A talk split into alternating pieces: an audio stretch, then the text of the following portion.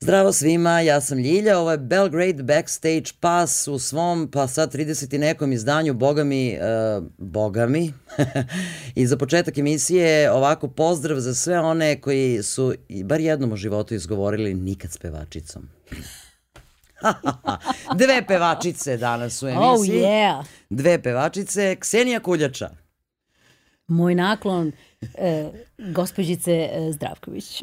Molim vas ovako. Moj naklon svima onima koji ne vole pevačice. I svima onima koji imaju onako ozbiljne predrasude, ovaj, svašta možete doživeti i čuti od pevačica što može da bude Što ne možete od drugih. Tako je, tako pa je. da, da je vidiš, to je interesantno, ovaj, sad smo malo čas onako privatno pričali o nekim našim drugarima i nekim njihovim izjavama i o tome koliko e, smo zaista u životu puta naletele, ja mogu misliti ti, više u nekom tom pop svetu i cover svetu nego što sam ja bila u životu i kapiram da je mnogo bilo onih Ja, pevačice, znaš kao.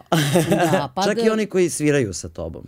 Pa tako je, to je, moraš uvek stostruko da se dokazuješ, e, da dokažeš da imaš stav, da pokažeš mušku energiju koju ja možda nosim od rođenja, jer ja svojim rođenjem sam ovaj, u, do pete godine želela da budem Đuro i tražila da me zovu Đuro, ovaj, jer živimo na Balkanu i prosto e, biti žensko kao da je neka e, softverska greška i greška čovečanstva, a na to ako se baviš nečim, nečim tako maglovitim, abstraktnim, šta ti sad radiš? Kakva Kako muzika? šta je to? Kako ti, šta, mislim. I onda se tu ono, onako etikete ovaj, lepe, lepe, lepe. A ljudi su navikli, izvini, na pevaljke, znaš, Pa ne na da, pevačice, pa da, nego da, pevaljke jer- i da. onda, o, pevaljke su... Tako da. je, jer stigma se naprosto gradi ovaj vremenom i onda ti kao ili izbegneš to ili uđeš u tu nišu ovaj, gde su stigmatizovani, ali ja prosto obožavam da ih ovaj zadirkujem jer, znaš, kao pevačica.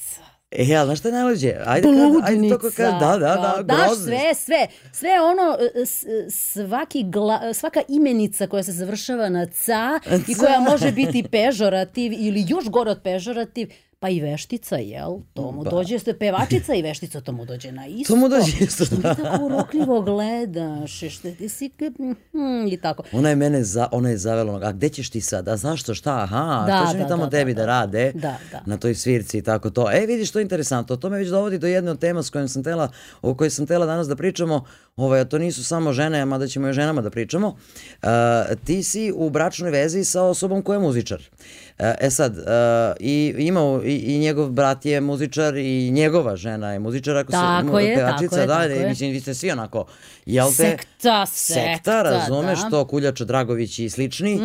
Ovaj, tako, tako da ovaj, uh, ja kapiram da uh, on na neki način sigurno bolje kapira tebe kao osobu zato što je deo muzičkog sveta. S druge strane, Ah, s druge strane, da, naišla sam ja na gomilu muzičara Pomenuli smo ih malo čas, prepoznaće se.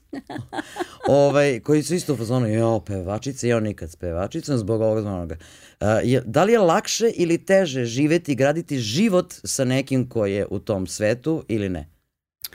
Pa u odnosu na skorašnju krizu koja se još nije završila, to zna da bude otežavajuća okolnost, jer ako se baviš istom profesijom kao i tvoj partner, a, to zna poprilično da bude nezgodno, jel?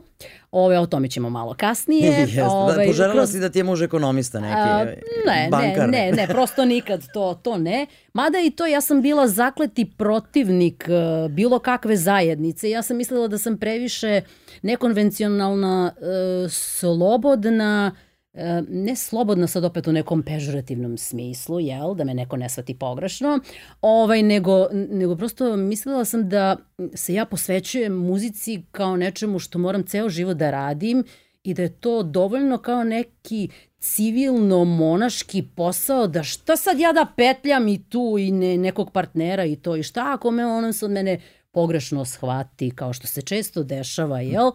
I taj faktor, opet smo i to, i o tome pričali u ofu, taj faktor zavisti ljubomore među ljudima i sad ti umesto da uh, u muzici uh, bude neka priča zajedništva, um, kao gradimo nešto zajedno sad generalno među muzičarima, sad zamisli taj aspekt kao emotivni jel, partner i muzičar.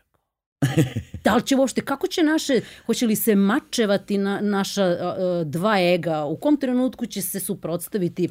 Uh, ja, ja čak sam i u al, na albumu obra, na neki način obradila tu temu uh, na, na, na pesmi uh, Duga od papira, da li ego je pobeda, a ljubav merljiva, zar nismo jedno ti ja? Um, da kao da nas ta umetnost, sklonost kao umetnosti, ajde da, da budem sad kao, ovaj, da budem bezobrazna i da pomislim da mi muzičari možemo da budemo ovaj umetnici, da sad kao uh, tom porivu kao umetnošću uh, taj emotivni moment može da smeta i u kolikoj meri ćemo, a znamo primere jel, kao iz istorije da, muzike, da. koliko to zna da, da kosi jedno drugog. I naravno ako žensko u nekom trenutku se uh, probije kroz, kroz taj uh, kroz to gusto trnje ono svih prepreka koje mora da prođe i sve da dokaže da bi dokazala svoj talent da naravno bude timski igrač jer mi upravo je to jedna od kao stereotipa jo, kako ćemo da imamo sad pevačicu u bendu i šta sad? Ona je će ona sad... u svom nekom tripu. Da, da. Pa šta kako sad kad dođe taj PMS? Kako će ona da se... Po... E sad, naravno, postoji takvi primjeri gde se žene ponašaju prosto nenormalno, uh, Ovaj, ali, ali u svakom ja, poslu, ne samo Tako je, ali opet ja znam mnogo primera među svojim koleginicama gde, gde ona tu ortak, gde je vozač, gde je šta god, ali kad kažem vozač, da, tako je. Ali kad kažem vozač, da ono maltene uzme, sedne, vozi kombi ili šta god. To još nisam, ali da. teraju me. Da, Pošto da. da sve svuda vozim, znaš kako fazonu, kao ajde ti, da, kao, da, da, da, ne, da, da, da, da. pustite me bar u tom smislu budem žensko da ne vozim kombi na svirke. Tako je. Ove, ali dobro, možda je to, ti si pevačica, da je on pevač bilo bi problem, ili da je gitarista. Ove, pošto pa, je turista, on je da, nekako fin čovjek. on je, on je, boga mi, pretendent da bude i vokal, zato, samo što njega trenutno mrzi da se sad kao pozabavi time, ovaj, ali on je odličan prateći vokal i prilično dobro ovaj, kao, da, ali nema kao lead tu, vokal. Nije taj kao sad lik, znaš. Jo, jeste, je... jo, u, zna, zna on to, u, kako ne zna, to je Dragović stil, kakvi oni svi kad ih pustiš malo kas, Uh, Čak i onaj bubnjar ovaj. da, mlad, u, mladin isto super ovaj, što, se, što se vokala tiče. Pa imaju, imaju par snimaka, ono, klipova gde ti možeš njih da čuješ kako pevaju prateće vokale, to je. Uh, Nek pevaju prateće. To ja, Pevajte, prateće. Da, tako da... Ovaj... Pustite pevačice da pevaju. Ove, znači dobro, i bilo je sigurno problema nekakvih, ali kapiram da ste se našli negde i da on kapira to sve. Da. Da nije ljubomoran, da nije neko ko će tebe da... U suštini ti moraš da, se, na, ono... mislim da ako, kao, uz, ako si muzičar i imaš partnera muzičara, opet je ista priča, morate prosto da se nađete energetski, e, da postoje kompromisi, da ono, ali da, to svako mora svoje ludilo da sredi. Ovaj, mada ja mislim da, da je možda sad opet to jedan od stereotipa da mi muzičari kao nešto sad divljamo previše u odnosu na druge ljude. Znaš, kad... Ja zato te to i pitam, zato što ja ne verujem u to, u taj ja stereotip isto. ni malo. Zato što ovaj, ja znam mnogo tako nekih finih ljudi, ekonomista, pravnika, znaš, koji kao fini smo, super smo, vodimo divan život i onda mm -hmm. iza, mm -hmm. ludilo. Pa evo, kao, kao neko ko je bio u tom cover, u toj cover priči, cover bendova, Jedna od stvari je da, mislim sad će me verovatno neko kamenovati, ali pošto e, pevačica jednako veštica, šta da radim, ovaj, e, te korporativne žurke koje se, ko, koje se sviraju, To samo mi muzičari znamo kako nam je, koliko moramo da štitimo svoju opremu, e, da, koliko će se e, litara e, piva ili bilo koje druge tekućine prosuti na klavijaturu, jer oni moraju da prođu nešto tuda. I da, ili na pevačicu. Sad to naravno određuje i taj žanr koji ti sviraš. Ako sviraš narodnjake, to će biti mnogo gore. A ako, ako opet sviraš e, kulturniju muziku, e, stepen razularenosti te, e, tih ljudi uh, u odelima zna da bude povelik. Mm -hmm. ovaj, a ja sam napomenula negde da ćemo mi biti malo oštri ovaj, uz osmeh, ali fina, eto, uskoro će no Halloween i eto mi da, da dokažemo tu teoriju kako žene uopšte nisu slatke. da, da, da, da. Žene. Da. Uh, vidiš, uh, i ova, ovaj album tvoj se zove Snaga. Da. Uh, gde leži snaga žene? Ne samo pevačice, nego snaga žene kao entiteta. u nepristajanju da te, da te okolnosti slome. U nepristajanju i u, u traženju uh, sop, kao glupo je reći, kao, ali sobstvenog Feniksa. Um, u svakome od nas, bez obzira na sva sranja u toku dana, u tokom godine, uh, što šta može biti pokretač, pa i ta, ta negativna situacija da isplivaš iz toga i da, da, da na osnovu te snage koju si zakopala možda da, viš, da ne znaš više da postoji, uh, da, da se ponovo rodiš, da, da ponovo vaskrsneš. Tako da uh, mislim da je to... Ovaj album je u suštini, um, post, kao što sam jednom prilikom rekla, posvećen je svim ljudima koji imaju nedoumice po pitanju svoje snage i ovaj album govori takođe o tim međuljudskim odnosima kada ne ide nešto kako treba, kada se, za, kada se spusti zavesa i kad je kao i živeli su srećno i zadovoljno do kraja života, Ok, to je taj Hollywood, taj Hollywood koji nas je navukao to je kraj jedne na pesme, ta, ali kao gde je jeste, taj Hollywood koji nas je navukao na, na, na ta razmišljanja i ovaj, ovo je upravo o tome kao šta mi se dešava svakog dana ako, ako nešto ne valja. Ne sad ni taj par, partnerski odnos, nego generalno odnos među ljudima. To uh, koliko koliko nismo iskreni prema sebi, koliko nismo iskreni prema osobi preko puta nas. Znači, sve te neke sumnje koje nas razdiru i zato je album i podeljen na te neke žešće emocije koje su kao gitarski ovaj, o, jel, o, o, o, gitarski obojene i te neke tri pesme koje su malo malo mirnije jer ne možeš, mislim, uvek ti dan i godina donose ti razna raspoloženja. I onda sam ja kao, ok, ali ovo je sve to. I drugo, um, ono, što, ono što mene negde određuje, to je da ja ceo život slušam ne želim da zvučim kao rasista, zato što ja mislim da su, i to će se, opet će me sad neko Debele kamenovati, ja mislim, e, moje negde mišljenje, apropo muzike, je da mi belci bez crnaca u istoriji popularne muzike ne bismo ništa radili. Jer oni su puno toga doneli u rok. Možda bi radili ono nešto drugačije. Da, oni su puno toga doneli u rok, takođe, iako se mi kao negde znamo da se držimo, Blues, ne, jazz, to je čao. samo... Da, ali dobro, jazz da, ali uvek naglašavam, oni su doneli puno toga u rok. Mislim, prosto ta, ta vrsta bunta, ta vrsta slobode, ta, ta bol koju oni nose u, u sebi kao gnjavili ste nas milion godina, bili smo vam robovi i onda kroz tu muziku kad, sad kad pričam i naježim se, i onda kroz tu muziku ti donesu nešto tako lepo i iskreno i onda ne, ne, nema, nema kalkulacije tu, nema foliranja i mislim da, da bez njih generalno i rock muzika ne bi, ne bi bila obojena tom slobodom i, i kao fuck off everybody, mislim da nije, da nije bilo nekog nekog zvuka koji je sve vreme. Ja on, ne znam, kad sam tako, kad, kad sam nekako dokona i kad uzmem da čitam te uh, biografije, Svako Biografije malo. se ne čitaju zato što si dokon.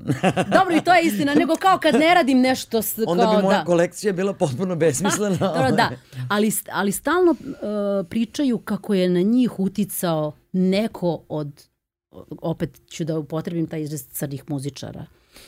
I, I to mi je fascinantno i onda kao shvatiš, pa da.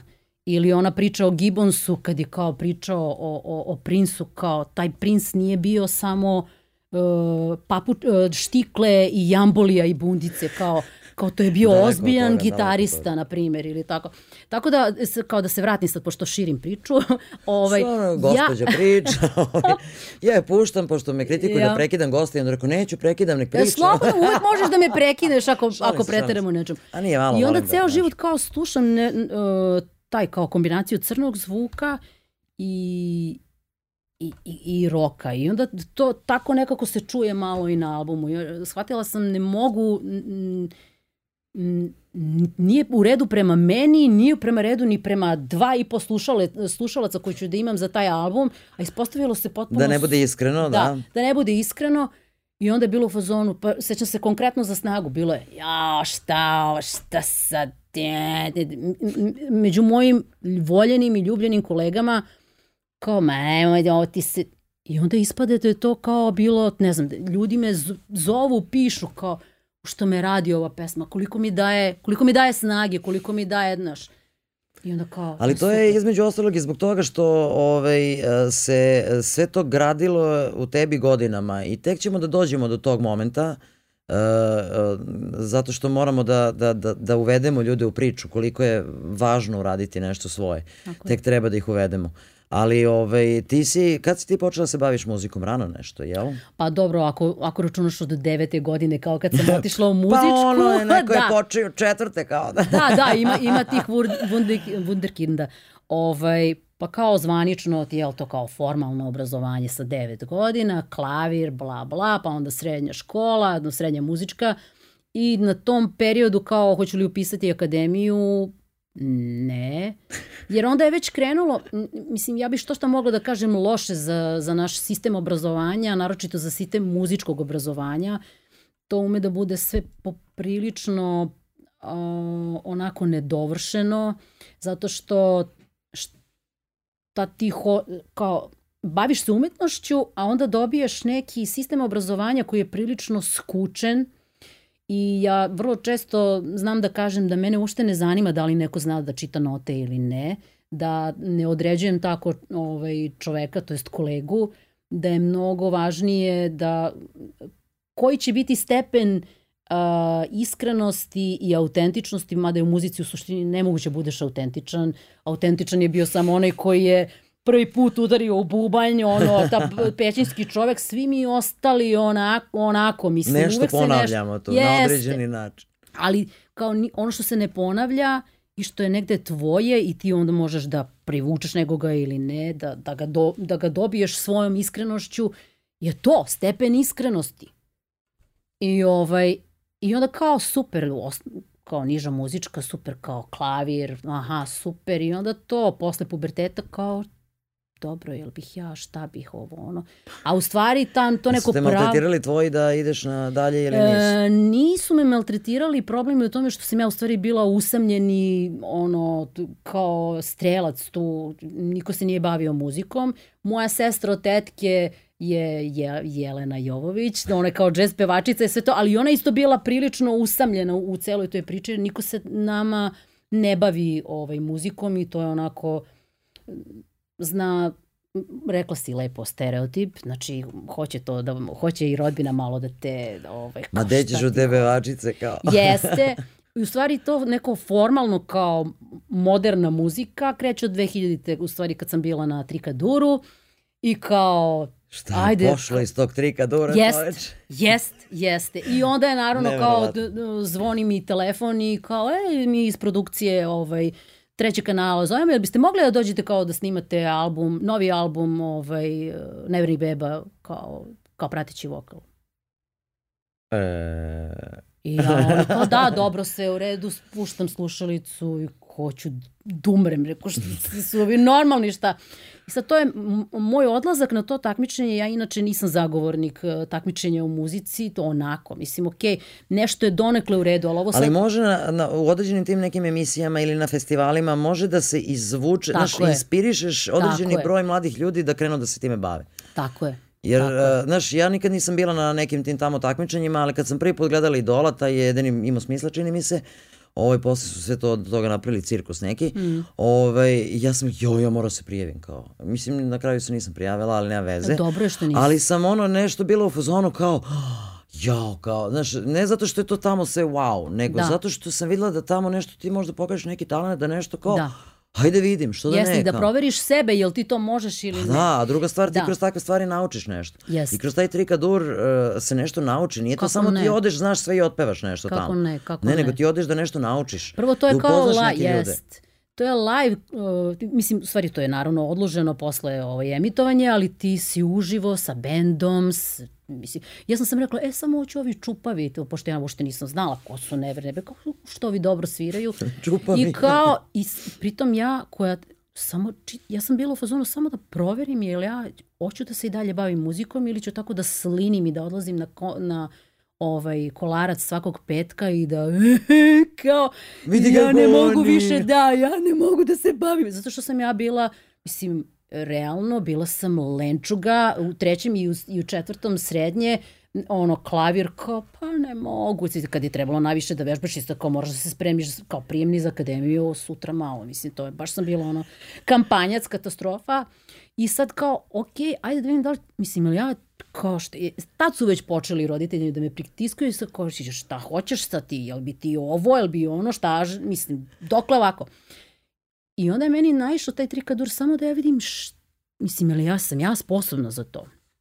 I ništa, ja dolazim tamo i kao, ono, posle sve isto. I sve, mislim, generalno, ne znam, kažem, to, to takmičenje, sad su takmičenja malo postala eksploatatorski nastrojena prema i po, o, kao, da. popuna, kao popunjavanje produkcijskog ono plana e, televizijskog i to mi je stvarno užasno. I pranja para za je, koje kakve produkcije, mislim, da, i da, svašta nešto. Ovaj, ali što ti kažeš, ta neka takmičenja koje, ili na primjer ova kao takmičenja između bendova, koje, koje na kraju krajeva to, to ima veze i sa tobom, sa, sa tvojim nekim angažovanjem, to mi je ok, ali kažem ta pevačka takmičenja koja su toliko uzela maha i da posle niko ne radi više sa tim pobednicima ili sa tim finalistima. To je najveći problem, da. E, da ne postoji način da oni dobiju mesto pod suncem i kao da im se radi neka kompozicija, da je ono kao krenu neki autorski iskorak, to ništa.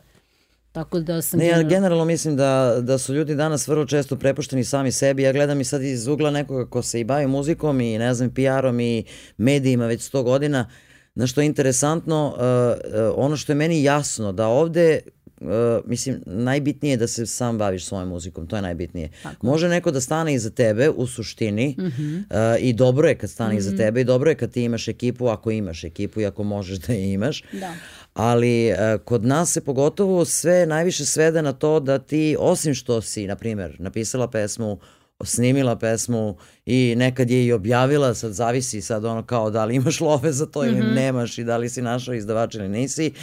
Uh, ti si taj koji se najviše brine oko toga gde će to da bude, šta će to da bude, da li će to da ovo, da li će ono, da li će da se... Znaš, uh, najviše se ljudi ovde sami oko svoje muzike cimaju i uh, nažalost to je nešto što ja ovde u ovoj zemlji ja to moram da savetujem ljudima Znaš, da, da. moraš da se baviš time, jer ja neću uvek stići da se bavim svačijom muzikom, mm. iako radim sa njima, na primer, ne mogu, prosto morate vi, zato što od vas kad krene, to onda delo iskrenije. Da, da. Ja sam najvići, e, najviš, najviše stvari saznala o tebi i o tvojoj muzici preko tebe. Da i preko tvog Facebook profila i preko tvojih nekih objava zato što se ti time bavila na određeni način. Da. A, tu mediji jesu učestvovali, ali prosto, kako ti kažem, nije to nešto, sad ja kažem, ja vidi tamo ona neka osoba. A, I vidiš, to je interesantno. Uh, nije da te ni nema u medijima, bilo te je i imate svako malo iz, u različitim varijantama uh, i sad vrlo često se kroz ovu emisiju provlači i to, kao koliko su na mediji danas uh, uh, ono potpora u ovome što radimo koliko ne. Pritom još ovo ide na neki pop uh, moment, ima ljudi koji pa i prihvatljivije je uhu od recimo nekakvog klasičnog rock and rolla, na, razumeš? Da, da, da. Uh, I kao samim tim prihvatljivije i za medije. Uh, jel ti imaš utisak i, ono, iz svog ugla, iz ugla svojih nekih prijatelja i saradnika da, da mediji funkcionišu danas u tom smislu ili ne? Ja ne razumem, uh, iskreno ne razumem uh, ovu državu po tom pitanju, jer... Po kom pitanju je razumeš? ne razumem, ne razumem uh, to nemanje prostora uh, za nešto autentično odavde. Uh, ne razumem zašto susedna nam država Hrvatska potpuno drugačije funkcioniše po pitanju autorske muzike koja je sa njihovog područja i koliko je taj stepen zastupljenosti, ja ne znam da li je to recimo u Hrvatskoj kao možda i u Francuskoj, ako je u Francuskoj neko vreme bilo u programu da je zastupljeno oko 70% domaće muzike, 30% svega što je van, ovaj, mislim da je tako neki možda, možda grešim, ali da je otprilike takav odnos u Hrvatskoj, što ja pozdravljam Ma da je i obrnuto. I da je obrnuto bilo bi dobro. Pa da, a ovde, ovde prosto sve pod domaćom muzikom spada u stvari taj regionalni pojas. Ako, a nije tako. Da, a nije tako, jer ako smo se već, da kažem, formalno podelili, ne možeš onda da to gledaš ako postoji deklaracija ovo vino je iz Hrvatske, a nije, onda tako posmatra i muziku, to je isto neki proizvod, samo što je tebi, uh, nije on, on jeste čak i materijalan, zato što postoji na, na nosaču zvuka, nemoj ga tretirati kao nešto nedefinisano i ovaj, moram samo da. E, ba, baš da, da, da se nadovežem na to. U, e, upravo to u, hoće da bude problem, što ljudi ne shvataju jednu stvar. Domaća muzika je srpska muzika. Tako je. Uh, I postoji tu jedna druga stvar. Uh, stalno se bunimo kako nam ne dolazi lova od ovoga, od onoga, od sokoja, od ne znam čega, nešto, mi nemamo prava, mi nemamo prava. Uh, problem je između ostalog i u tome što ti mediji kad puštaju domaću muziku, a puste hrvatsku pesmu, uh, to što su oni pustili, ta prava i to emitovanje, para od tog emitovanja idu u Hrvatsku. Tako je. Mislim, nema ništa protiv, neka idu i tamo, naravno, Absolutno, svako treba da. da zaradi, da li u Nemačkoj i u Hrvatskoj ili oni odavde ili oni odavde, nema veze, bitno je da se muzika sluša i da je dobra, nema veze odakle. Ali uh, onda kao uh, utičite na to na neki način da ti mediji uh, Uh, makar ono noću vrte, razumeš, ono kao domaću muziku, da se ta emitovanja dese i da ti ne samo da imaš koristi od toga što je neko čuo tvoju pesmu, što je naravno idealno, najidealnije na svetu, okay. da neko čuje tvoju pesmu pa se zainteresuje pa sutra ode pa kupi album pa ne znam Tako ja, je.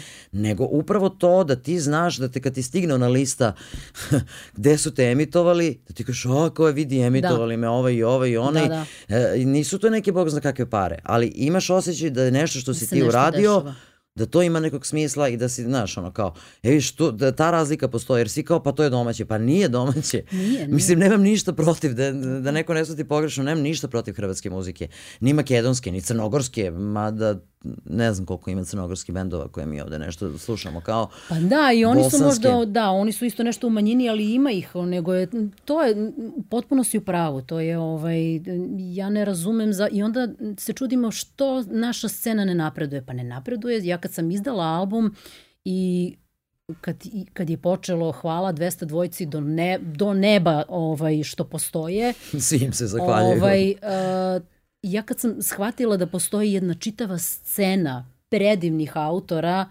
um, i da ja nisam imala priliku ranije da čujem za njih, ja sam prvo pomislila, ok, Ksenija definitivno si idiot, što ne, što ne zna što, a onda sam shvatila, ok, nije samo moja greška, nego prosto, da li, zašto ne postoji medijski prostor za to?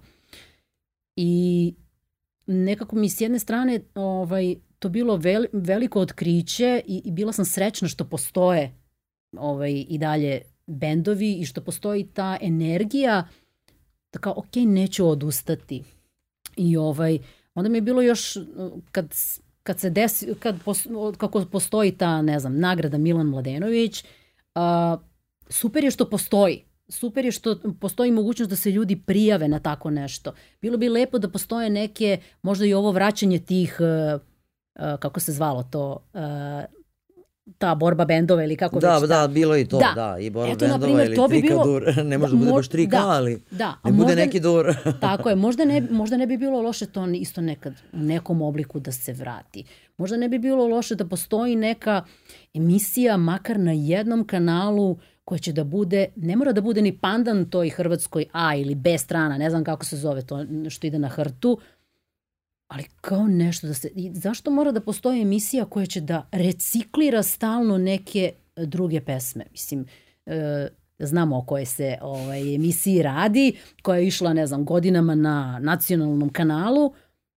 Ja ne razumem. I sad ti zoveš mlade pevače koji već imaju svoje pesme. Zašto ne pustiš njihove pesme? Nego kao, ajmo da sviramo Mišu Kovača, na primjer. Sad, sad sam lupila. Ali ta tendencija da, da ti na neke radio stanice nema, da ti objašnjenje koje ti oni daju mi puštamo samo nove pesme starih izvođača. Već, uh, ne, ne kaže starih izvođača, izvinjavam se, nego poznatih, poznatih izvođača. Ja kad sam to rekla jednoj, uh, je, uh, jednoj osobi kojoj sam pevala prateće vokale, iz Makedonije je, rekla sam Kaliopi baš, ona je rekla, Kako je to da, molim? Kao svi mi u životu smo imali prvi put kao i, i sva, svi smo imali prvu pesmu. Potpuno je suludo kak, kakav je to kao odgovor. Ja kažem, pa ne znam. Ne, ali to se redovno dešava. Čak e, na određenim radiostanicama postoji još, još luđi problem. Tu i tamo se provuče kao nešto novo od nekih novih bendova, ali u 90% slučajeva čak i ti poznati izvođači, recimo rock and roll izvođači, uh, puštaju se tri ili četiri neke pesme od pre 100 godina, nekih hitčine. Tako je. I sad, znaš šta, s jedne strane ja sam u fazonu kao, ok, kao, kapiram ih, to su ljudi koji zavise od hitova, uh, zato što su privatne radiostanice uglavnom uglavnom, ako ne računamo ceo RTS i njihove radiostanice, koji zato i daju verovatno šansu jer mogu da ti daju šansu, ali s druge strane, kakav je problem napraviti u toj programskoj šemi ako imaš, na primjer, 10 pesama koje su hitovi, hitovi, strani domaći, nebitno, stavi 11 da nije, ali da je dobra i kvalitetna i samo se provuče. Neće niko za tih nekoliko minuta promeniti stanicu ako je dobra pesma I, a vrlo je moguće da će neko da kaže, hmm, vidiš, ovo nije loše, kao ovo dobro zvuči, ovo zanimljivo zvuči. Da. A to se toliko redko dešava da ja ne znam, evo sad kažem, e, ja sad više iz ovog drugog ugla kad radim iz, i e, PR, e, kad je neki rock and roll u pitanju, ti staneš ovak i kažeš, mhm, mm a kažeš hoćeš gostovanja, hoćeš negde emitovanje, hm, Pa dobro, evo ima RTS Bunt, e, da vidimo da li možemo da stignemo do N1 ove liste kao... E, hm, šta, ne, Nova S, da, nova lista. Pa, mm, 202, dobro. Mm, da, da, vrlo je, je ograničeno, vrlo je ograničeno i stalno je ta varijanta da ti ne možeš, ti se jednom pojaviš i ti e, predstaviš svoju pesmu ili svoj to. album i šta god, ali Rotacija ne, pos, ne postoji. Tako je, ne postoji ta varijanta da ti imaš repeticiju u tome i onda se pitaš kao pa kako i onda još je gore kada dobijem uh, odgovor ja sam uh, u jednom trenutku žela da budem onako baš ozbiljan štreber uh, povodom povodom upliva mog u, u sve pore muzike pa sam odlazila i na one uh, uh, konferencije, ne znam, indirekt, ovo, ono, znači nije me mrzelo da odem na to, da kao, ja hoću sve da saznam, kao mene to sve zanima, jer ja sam na da kraju muzičar. Da saznaš o tom poslu više iz drugih uglova, da, da. u krajnjoj I sad, potpuno mi je opravdano da PR-ovi, uh, urednici kažu, ok, vi kao band ste dužni da uh, dobro spremite vaš medijski materijal, da se potrudite od toga. Ono što si upravo rekla, to je sasvim u redu. Mi moramo da, da radimo veći deo posla. Ok, možda bi bilo super kad bismo se samo bavili muzikom, komponovanjem, radom u studiju, e, prezentovanjem koncertnim i sve to, ali mi prosto treba da radimo to. Mislim, je, negde jeste to u opisu našem. I meni je bilo super Niko ne može tvoju muziku bolje predstaviti Tako je, i bilo mi je super kad, e, kad je neko, sad se više ne sećam ni ko je to rekao, kao uzmi lepo i spiši svoj CV, ajde ubaci nešto, dođite na emisiju spremni, ono, dođite uredni, otprilike i tako nešto. To su bili sve onako vrlo uh, E, vrlo realni i, drago, i dragoceni saveti, jer možda isto jedno, jedan od problema je to što među, u našoj, na našoj muzičkoj sceni ima dosta ljudi kojima je muzika sporedno, sporedno dodatno zanimanje. Njima, sad ja opet i sa, sa aspekta cover izvođača, jer sam kao prošla i tu priču, uh, uvijek je ta priča kao, aha, čekaj, ovo ću da radim komercijalno zato što je ovo isplativio, hoću sad da zaradim više novca. To stalno ti neki stereotipi sve nas ograničavaju da, ok, ako kao, ajde da pomognemo jednim, jedni drugima da sagradimo e, muzičku scenu koja je samo propala, ja ne znam, ti, ti ćeš bolje, ti svakako bolje znaš i bolje, ono, možeš da me demantuješ, ali imam utisak da je još od, ne znam, 90-ih naša autorska scena sve vreme je tu, ali kao aha, pa dobro, što ja sada podržavam ovo? Pa ajde kao. I onda tako kaže neko od tih urednika ili, ili vlasnika radiostanica, pa ne postoji sada savremena muzika kod nas. I onda samo, pa, uh, kao ne e... znaš šta da kažeš na to, jer prvo nije istina, a drugo, kao uh, muzičari nisu kri, autori nisu krivi što je takva situacija jer mediji to hoće. Ja vidiš kad si pomenula to malo pre ovaj, da, to, da reakcija Kaliopi i to za tu pesmu bla bla bla. Uh, meni se pa relativno skoro, u recimo par godina desilo da sam uh, radila recimo neko saopštenje za pesmu nekog manje poznatog izvođača koja je jako je radiofonična u tom nekom mm -hmm. smislu, -hmm. onako mila za slušanje mm -hmm. i ja sam sigurna da može da se dopadne onako širokim narodnim mm -hmm. masama. I u to sad u celoj toj moje prepisci sa nekim ljudima sa, sad da ih -hmm. ne imenujem određenih radiostanica koje puštaju domaću muziku u ovoj zemlji, ima ih par komada, Ovaj, I sad tu pričam sa, sa prijateljicom jednom dugogodišnjom i koleginicom sa tog radija gde ja kažem Uh, ajde vidi, znaš, ako slučajno može nešto, ne sad zato što su moji, nego zato što, mislim, ja nemam ništa od njihovog emitovanja mm. u suštini, ali kao prosto mislim da bi se super uklopilo u program jer je takva pesma. I sad isto mi to kaže, kao pa ti znaš da, mislim, ovi puštaju samo to, kao hitove, proverenih izvođača i to je to. Znači, otprilike neke od tih izvođača bi pustili bez da su preslušali. To da. je to, to je njihovo novo i pusti, da. to je ime i ajmo. Da. Bilo da su regionalni, bilo da su domaći domaći. I ja sam isto tu reakciju imala, pa kako ta pesma da postane hit? Ako niko neće da je pusti. Simple as that, pa naravno. Znači, bukvalno ono kao šta yes. sad treba da furaju ono po YouTube-ovima, da se da luduju, da šeruju, da ovo da ono, da bi možda po mrežama neko nešto i ne znam, a onda kao, aha, ajde da pustimo onoj nekoj domaćici koju zabole uvo, razumeš, za YouTube, da, jer da. ima žena i, i, i os, mislim žena, ja da kažem žena zato što je ta pesma tako nekako, mm -hmm. čini mi se da, će, da bi se više dopala ovaj, tom delu publike I onda kao, kako ti sad recimo moje mami da predstaviš neku pesmu koja ni nema internet, mislim, joj ne, ne zanima. Niti ima mreže, niti ima YouTube, niti zna šta je to. Ona me ovako gleda kad je pričamo o tome, kao šta, kakav Facebook, šta pričaš. To ti kažem, a ona bi možda čula na nekom radiju tu negde nešto, neku pesmu koja bi bila super i ko, u, što je ovo lepo, kao, razumeš. Možda ne bi išla da kupi album, ali vezi. Ali opet bi znala za pesmu. Ali ovaj uh, jel postoji sad kad je u medijskom smislu ovaj ono jel misliš da postoji neki način da oni to ljudi mislim da mi kao sa ove strane damo savet tim nekim ljudima koji se sad bave medijima kao ka, kako da da izokrenemo tu situaciju da pomognemo sceni koja je onako bolesna mislim Jeste. nije skroz umrla ali je bolesna prilično Jeste. a pritom eto ja kažem da da nije bilo 200 dvojke i da nisam krenula da sad iz ogromnog poštovanja prema prema instituciji, ja reći ću da je institucija koja prvo toliko postoji, drugo kao daju, daju ti šansu. Kao moje, par pesama sa mog albuma su bile u Airplayu, mislim to toliko mnogo znači. Da ne, da ne govorim o tome koliko meni znači. I, I sama činjenica da toliko izvođača postoji koji već imaju ili su na početnim, ono, isto ime te da kažem, ono, prvi album ili nekoliko albuma iza sebe, toliko kvalitetnih, jer sad ja sam negde navikla um, sebe da, da se trudim da muziku, bez obzira što sam kao profesionalni muzičar, da ne doživljavam kao ono, ja ovde sad, kao, ok, možda mi se svidi, ne se ne svidi, ali da srcem posmatram, ono, bukvalno svaku muziku.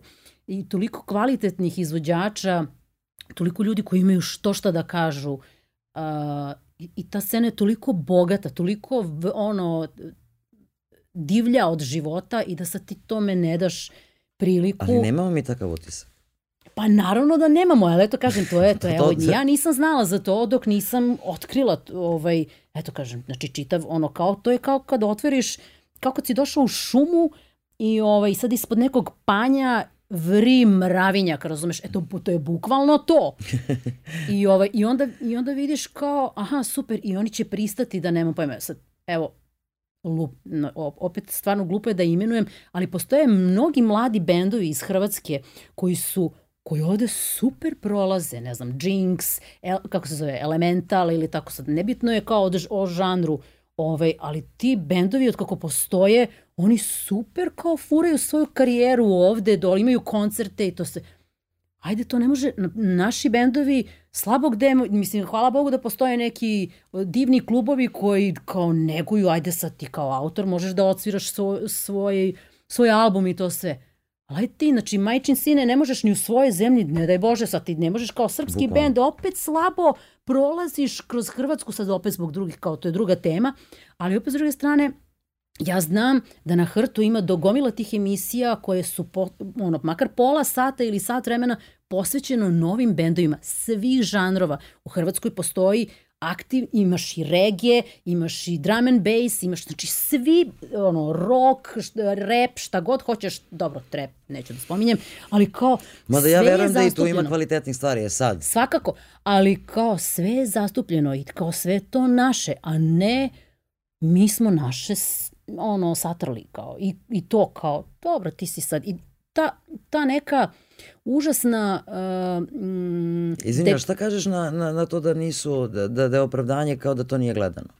Pa kako može da bude gledano ako mu ne šansu? I drugo, još je jadnije, kao pa dobro, sad je vreme društvenih mreža, YouTube-a, kako, ali šta ti treba da kupuješ svoje, uh, svoje gledaoce ili kako, kako sad ti nekoga, ne možeš ti stalno da visiš na tim mrežama, nisu ljudi uvek baš ni Drugo sad, uh, Facebook, koliko znamo, oni prave neku vrstu redukcije da ti ne možeš uh, baš mnogo da forsiraš uh, YouTube snimak. I sad ako imaš... Zato što nisu ista firma. Pa da, eto na primjer. Znači te neke stvari koje potpuno, i sad ti kao treba spraviš i ti ne možeš da napraviš tu preglednost, recimo da imaš dovoljan broj pregleda možeš na YouTube-u. Možeš ako platiš. Da, ali ne možeš sad kao, moraš posebno da praviš klip koji je suitable to Facebook ili za Instagram i kao, i šta si ti uradio, samo si potrošio previše vremena na to i opet ništa. A kod nas, pošto živimo gde živimo, što ti kažeš, ipak je kao televizija i radio i dalje su nekako, iako to ne izgleda, ali i dalje su dominantni mediji što se tiče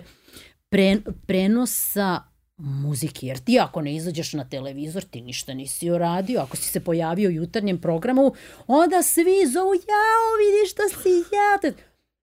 A sve mislimo kao ni jutarnji da, da, program i se... Samo u fazonu kao, ma to, se, to niko ne, ne gleda, da. i onda kad god odeš da. na neku televiziju, oni kao, uvek ti bar pet ljudi kao, e, gledali smo te danas. Jest. Dobro. Ali ne opet s druge strane, to, to ne emitovanje ono, i nepostojanje neke muzičke televizije, da se to nešto dešava. A to, to, to, to da... je bilo sledeće, mislim, imam, mi kao imamo neke, ne znam, to, muzičke televizije, Da, Doduše kao. neke se kao bave nekim potpuno nenormalnim žanrovima, ali imali smo svoje vremeno, ne znam, i Metropolis i ovo, znaš, bilo je nekakvih tu kao momenta koji su se ono bavili u što se MTV u nekom momentu pretvorio ovaj naš, mislim o tome neću da pričam, ovaj, to, je, to je stvarno tema za ono kao za jednu onako ozbiljniju tribinu, jel? ali uh, znaš ono kao nemaš makar to kao kako je moguće da niko nije našao za shodno da uloži u televiziju televiziju ko će se time baviti da će stvarno svi muzičari i stariji i mlađi, jer ovde u ovoj zemlji i stariji muzičari i iskusni su već u fazonu, nije ono kao, ja ma baš briga, kad se pojem, pojem. Ne, nije uopšte tako. tako. Je. Jer i njima znači da im se Naravno. novi album čuje, da ovo, Naravno. da ono, čak je bilo nekih koji su onako fazonu, dobro, zašto puštate tu pesmu iz 86. Ja imam novi album iz 2000, ne znam koje, kao jeste Tako normalni više ljudi, kao treba mi to, Tako da bi je. mogu da sviram, da bi mogu da držim koncerte, da bi mogu nešto da radim u životu. E, tako da bi tu, znaš, ja sam sigurna da bi postojalo interesovanje da se to sluša i gleda da, da. i da prosto ljudi Uh, makar ono bez tona, ono kao, znaš kad puste radio yes. tako na TV-u, e pa možeš da pustiš i televiziju neku, tako je. da pustiš bez slike zapravo i da kažeš aha, kao sređujem po kući, ko je vidi ovo, pa onda staneš. Yes. Čovječe, mi smo odrasli uz to da sam na VHS kasete snimala spotove, aman, kao onog da. vloviš, kao kad se pojavio treći kanal, mi kao idemo, viva i ne znam, ono, posle mi se ona ludila, kao snimaš spotove, kao, znaš, i dan danas ima ljudi koji to žele da gledaju, jer a, ako ima interesenata, a, pogotovo među mlađima, da gledaju te neke televizije, mm -hmm te neke uh, koje su tamo vamo, ja sam sigurno da postoji dovoljno interesovanje za ovu yes. neku normalnu scenu. Mislim i na pop, i na rock, i na reggae, i na... Tako je. Uh, pa čak i nek se provuče tog trepa negde koliko je normalno, jer sam sigurno da ima među tim izvođačima nekih underground momenta uh -huh. koji, ima ovih koji su onako negde između, uh mhm. -huh koje bi mogla da kažem da rade taj posao prilično pristojno i to je, kažu da je to nova vrsta panka otprilike, razumeš, u određenom segmentu. U određenom segmentu, naravno ne mislim na ove ultra popularne, ono, te ljude koji izgovaraju neke reči uh, i neke tonove tu mm -hmm. reprodukuju koje ja ne umem da prepoznam posle ponovo. Mm. da, što je interesantno. Uh, dosta si pevala hitova u životu, uh, dosta si radila sa ljudima koji su imali hitove. Uh, kad slušaš tu muziku, meni se na primjer desilo da sam slušala jednom, i to sam više puta pomenula i u ovoj emisiji, uh, ovaj, slušam uh, pesme nekakve I kažem, ok, dobro, meni se to ne sviđa, ali nema veze, ajde, ima možda keči neki onaj, mm -hmm. ko što čujem lupam Dina Merlina u prodavnici, ću da poludim, jer ne volim, ču, mislim, ne volim tu mm. muziku, ali mi je ceo dan u glavi, razumeš, kao, vrti mi se zato što sam Keči. čula. Mm. Znaš, ono, Željka Joksimović, u životu to neću da slušam, ali, znaš, nešto ti se desi. Ja sad slušam ovo, rekao, hajde, upašće mi neki ton u ovo, neki refren, nešto, ja kao, kako, mm. um, Šta kažeš ti na nove hitove, a? Novi hitovi su disaster. Ovaj, to, ja mislim da je muzika, što se tiče kao te neke svetske ovaj, scene, muzika je kao da je funkcionisala do 2014. 15. I onda od tad ništa, taj autotune je uzeo potpuno maha I ne samo to, forma se izgubila, ne postoji ona klasična forma strofa, refren, imaš bridge ili imaš sad kao neki solo ili tako. Taj sintetizovani zvuk je onako, ne znam više, ne postoje ni dobri pevači. E, oni su onako sad prilično lenji, sad nemaš nikakav ni izraz ni ništa, nego sad to je nešto. I to je, oni ne mogu ni da drže, gomila njih ne može da drži koncerte, zato što ne mogu da izdrže. Oni ne Neki bi mogli mogu da... sa USB-om. Da, oni praktično ne mogu da izdrže ni jednu pesmu da otpevaju od početka do kraja. To se dešava velikim zvezdama. Sad, uh, postoje ova neka frakcija uh, koja je bila kao Disney uh, Kids, gde su oni glumeli, pevali i tako. I onda dođu neke godine kada, ne znam, to je recimo Demi Lovato, to ona mi je čak, mislim, sad ja pričam zato što sam uh, pošto kao sam i neki vocal coach i onda moram da ostanem uh, u, u skladu sa tim da im šta sad kao mladi slušaju. Demi Lovato, ona ne može da, da održi koncerte, ona sad njeni fanovi već su u drami zato što taj ta studijska verzija na koncertu Nije to to. Ne može, ok, super je ti ako uđeš u neku improvizaciju i sad kao promeniš aranžman, ali tu se ništa ne dešava. Još ako ti failuješ potpuno kao pevač, isto samo što te ovaj, ne gađaju paradajzom, kao završila si. I e, čak i ovi neki relativno u redu a, autori kao što je na primjer Sia, Uh, sad opet kažem, ne, ne slušam toliko tu muziku, ali prosto moram da sam, u, da sam u tome. Sia, ona, njena pesme su prilično komplikovana za pevanje, ona isto ne može da izađe. To je, to je čak i javno priznala kao.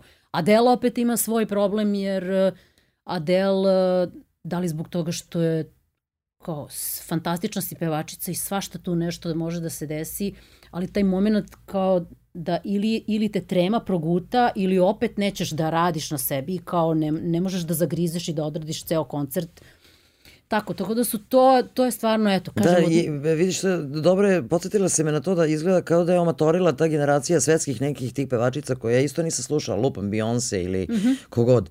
Ali to su sve žene koje znaju da pevaju, mislim, čak i... Da, ona jede malu decu, stvarno, ono, to je, mislim, kad sam bila na koncertu... Pa čak i ta Rijena, mislim, koja je tako slatka mala, pa opet nešto zna da peva. I da, opet je držala neke da. koncerte. Da, nešto to sam, to sam baš stela razmi, u razmišljanjima, kao u, pro, u procesiranju, o čemu bismo možda mogli da pričamo i to sve. Bilo mi je jako zanimljivo, uh, ona čuvena priča i opet ja mislim da je ipak stereotip, kako je rock isčezao sa scene. I sad imam ja da sad opet kao, to kao neko ko, uh, ko je bio u cover priči, a, mi smo gomilu radili tih nekih pesama, tih to, Rihanna, ne znam, Beyoncé, ovo ono. I sad kad ti pogledaš njihove koncert, koncertne turneje, vrlo često se dešavalo da sve te pesme, tako je, znači da su sve gitar, znači to ide toliko oštro u aranžmanima lajvova da je to, to maltene se graniči sa heavy metalom. I onda smo mi radili gomilu tih nekih pesama, znači na ono, klub je, samo što se nije raspadao pod nama zato što je toliko bilo ono gitarskog zvuka i svega. I ti onda vidiš, ne može se bez roka. Znači koliko god da je otišlo sve u, u Mm -mm. Tri lepe ovaj, slaba, da, da, o, se, ne može se bez roka zato što to je to što je e, ti na koncertu daje jedan, jednu posebnu uh, jedan, jednu posebnu iskru, jednu posebnu ono strast koja te raznosi, razumeš, i koja do publike dopire i ne mogu te tvoje sintetičke pesmice da daleko doguraju ukoliko im ne daš nekog gitarskog vajba. Ja, vidiš, nekog organskog instrumenta. Znaš, Tako kad da. smo pomenuli te neke, ja na primjer Pink nisam slušala kao klinka, ok, znam neke pesme, ok, Mm. to je meni pop, mislim, ok Mhm. je. Dok nisam odgledala prve koncerte, one njene live-ove sa recimo Aha. DVD Live in Australia, recimo, Mhm, to kad jest. ona e, se vere po onim Jest. čudima, skače, Jest. pravi čuda Jest. i pritom otpeva sve bez onako, Da, da. ali ono, da ne čuješ Da. ništa, znači, Da, da. jao. Zato što je žena kažeš, odlučila da radi na sebi i ovaj, ona je, znaš, kao prvo imala ona neke silne povrede ovaj, kao visiš na onom i ne znam koliko si iznad zemlje i ti kao pevaš. I sad to je ona priča koliko, koliko su pevači znaju da budu užasno razmaženi uh, i da sad kao ja sad radim neku koreografiju ja ne mogu da pevam sad evo sve će da pevaju sve koreografija je tralala, tralala. Da, ili ako je neka komplikovanija, neka, sad će, ceo ovaj sek, uh, sad će celu ovu sekciju da pevaju lead, uh, back vokali. I onda ti imaš situaciju da sad bukvalno refren ide i to- ti si već na sredini refrena i ti čuješ back vokale, gomilu uh, fantastičnih miloskih venera, ovaj, obojenih, razvaljuju. Znači njima nije važno, e, to, to je ta sad priča opet uh, gde mi nemamo stvarno ne možemo bez... Znaš, ti, ti dalje kad čuješ neki refren koji nosi, da li je u back vokalima ili u lead vokalu, ti uvek čuješ, znaš, ili uvek vidiš tu, tu, tog nekog, ono, uh, tu neku black soul, kapiraš, mislim, može svako... Ja sam, kad sam bila Znaš. mala, bila pričala da želim da se u sledećem životu rodim kao debela crnkinja. To Vidiš? kao da sad sam samo ovaj debela. Vidiš? Kao da. Ne, ne, ne, nema veze sa tim, nego to je, to je, ta, to je ta energija taj potpunog davanja. Znači, nema, da. nema kalkulacije. Sam izašla na scenu, ja ću da izvrnem svoju dušu kao čarapu i ono sve ću da ti kažem. Znači, nije bez ikakve glume, bez ikakvog afektiranja, nego sve i onda I, I to je to. To je u stvari, to je po meni rock and roll. Pa sad je ono kao Jeste. nebitno e, vidiš, kako ga... e, lepo je što si to rekla, zašto? Zašto meni ti dok to pričaš razmišljamo o sledećem. Uh, rekli smo da nećemo mnogo da se dotičemo ove, ove, ovih poslednjih par godina ove situacije takve kakve je iz mnogo razloga, mislim i stvarno je bez veze, ali činjenica je da sve ovo što se dešava utiče na nas kao nas, kao muzičare, ne samo u ovom lokalnom smislu, nego utiče generalno na, na, na muzički biznis. Uh, ja nekako imam utisak da se sad poravnavaju uh, ove uh, mere u čitavom svetu i to kao uh, to uh, anti-live varijanta, anti-live bukvalno mm -hmm. se sprovodi sad trenutno u svetu uh, i to kakva je ta najmodernija muzika koja ni ne može da se sprovodi mm -hmm, live. Mm -hmm. Znači počinjem da verujem u teoriju zavere te vrste, mm -hmm. da je bukvalno ono se sad sve radi na tome da kao nije ni bitno. A ne može da se izvede live, ma nema veze. Mhm. I onako ne može da se radi. Mislim, znaš, a, ako se nastavi ta varijanta i ako ne bude tih live koncerata takvih kakvi treba da postoje, onda će umreti rock and roll i u tom obliku, u tom obliku da pop izvođač izađe i napravi ršu na, na bini i da to zaista bude Da, da. rock and roll, da izađe neka nova Beyoncé koja jeste pop izvođač i to vrlo, Mhm. uh, a, i da pokaže i da je i soul i uh, rock and roll i da je i metalka ako treba, Mhm. zato što ima glaščinu, ima stav i uh, radi na sebi, neka nova Beyoncé, ne znam kogod to bio, Mhm. nego će se pojavljivati tako te neke raznorazne sije i Demi Lovato i ova i ona koje ne mogu bez tog autotuna i onda će da izlaze na binu sa USB-om. Da. A, razumeš, ja sam skoro da opet ne pominjam ono na, na, na Exitu, znaš, gledam jednu od tih popularnih izvođačica, mada mm, ne izgleda kao da je izvođačica, e, koja kao izlazi tu nešto je, nešto je uh, live, nešto nije, nešto ima nekog gitaristu, nešto ide sa ono kao DJ neki, uh, njen glas koji ide i odande i koji ona nešto peva, to je katastrofa. Da, kao i ova priča sa hologramima, mislim, ok, Gorillaz u redu, ali kao Da, ali oni sad... su napravili forum vreme kada to da, nije bilo... Da, i to je u znaš, redu kao fora, ali opet da se, da se ide na tendenciju toga i ovo što su ovi rahmetli ovaj, izvođači, da se sad odjednom drže njihovi koncerti, To je strašno. to, to je meni bolesno. To, je, to mi je ravno kao ideja o kloniranju. Mislim, to, to je prosto užasno. I ova priča, sad to mi apsolutno nije jasno, ovo što je kao ABBA i, njihovo, i njihovi ti koncerti koji isto su nešto poput holograma i to kao to su oni u stvari, ali eto to će kao zato što šta, kao starenje nije u modi, pa ne razumem, onda mi moramo da gledamo hologram e, idealnih proporcija sva četiri ovaj, izvođača koji su iz mladosti, a u stvari oni su sad spremali, koliko sam shva, ako sam ja to dobro shvatila, oni su spremili čitav album i generalno taj live je spremljen u studiju, odsviran i ono, otpevan u studiju, a ja to ne razumem. Ja to ne razumem, mada e, mislim da to ima opet veze sa, sa time da, da su Japanci negde počeli sa tim, njima je to jako zanimljivo. Njihovi izvođači inače funkcionišu po tom pitanju da sad imaju puno tih nekih teenage zvezda koje kao tako, ja sam, ja sam hologram u stvari, ali tu sad isto postoji neko ko je to nešto otpeva, u stvari to nije ni pevanje, nego to je opet kao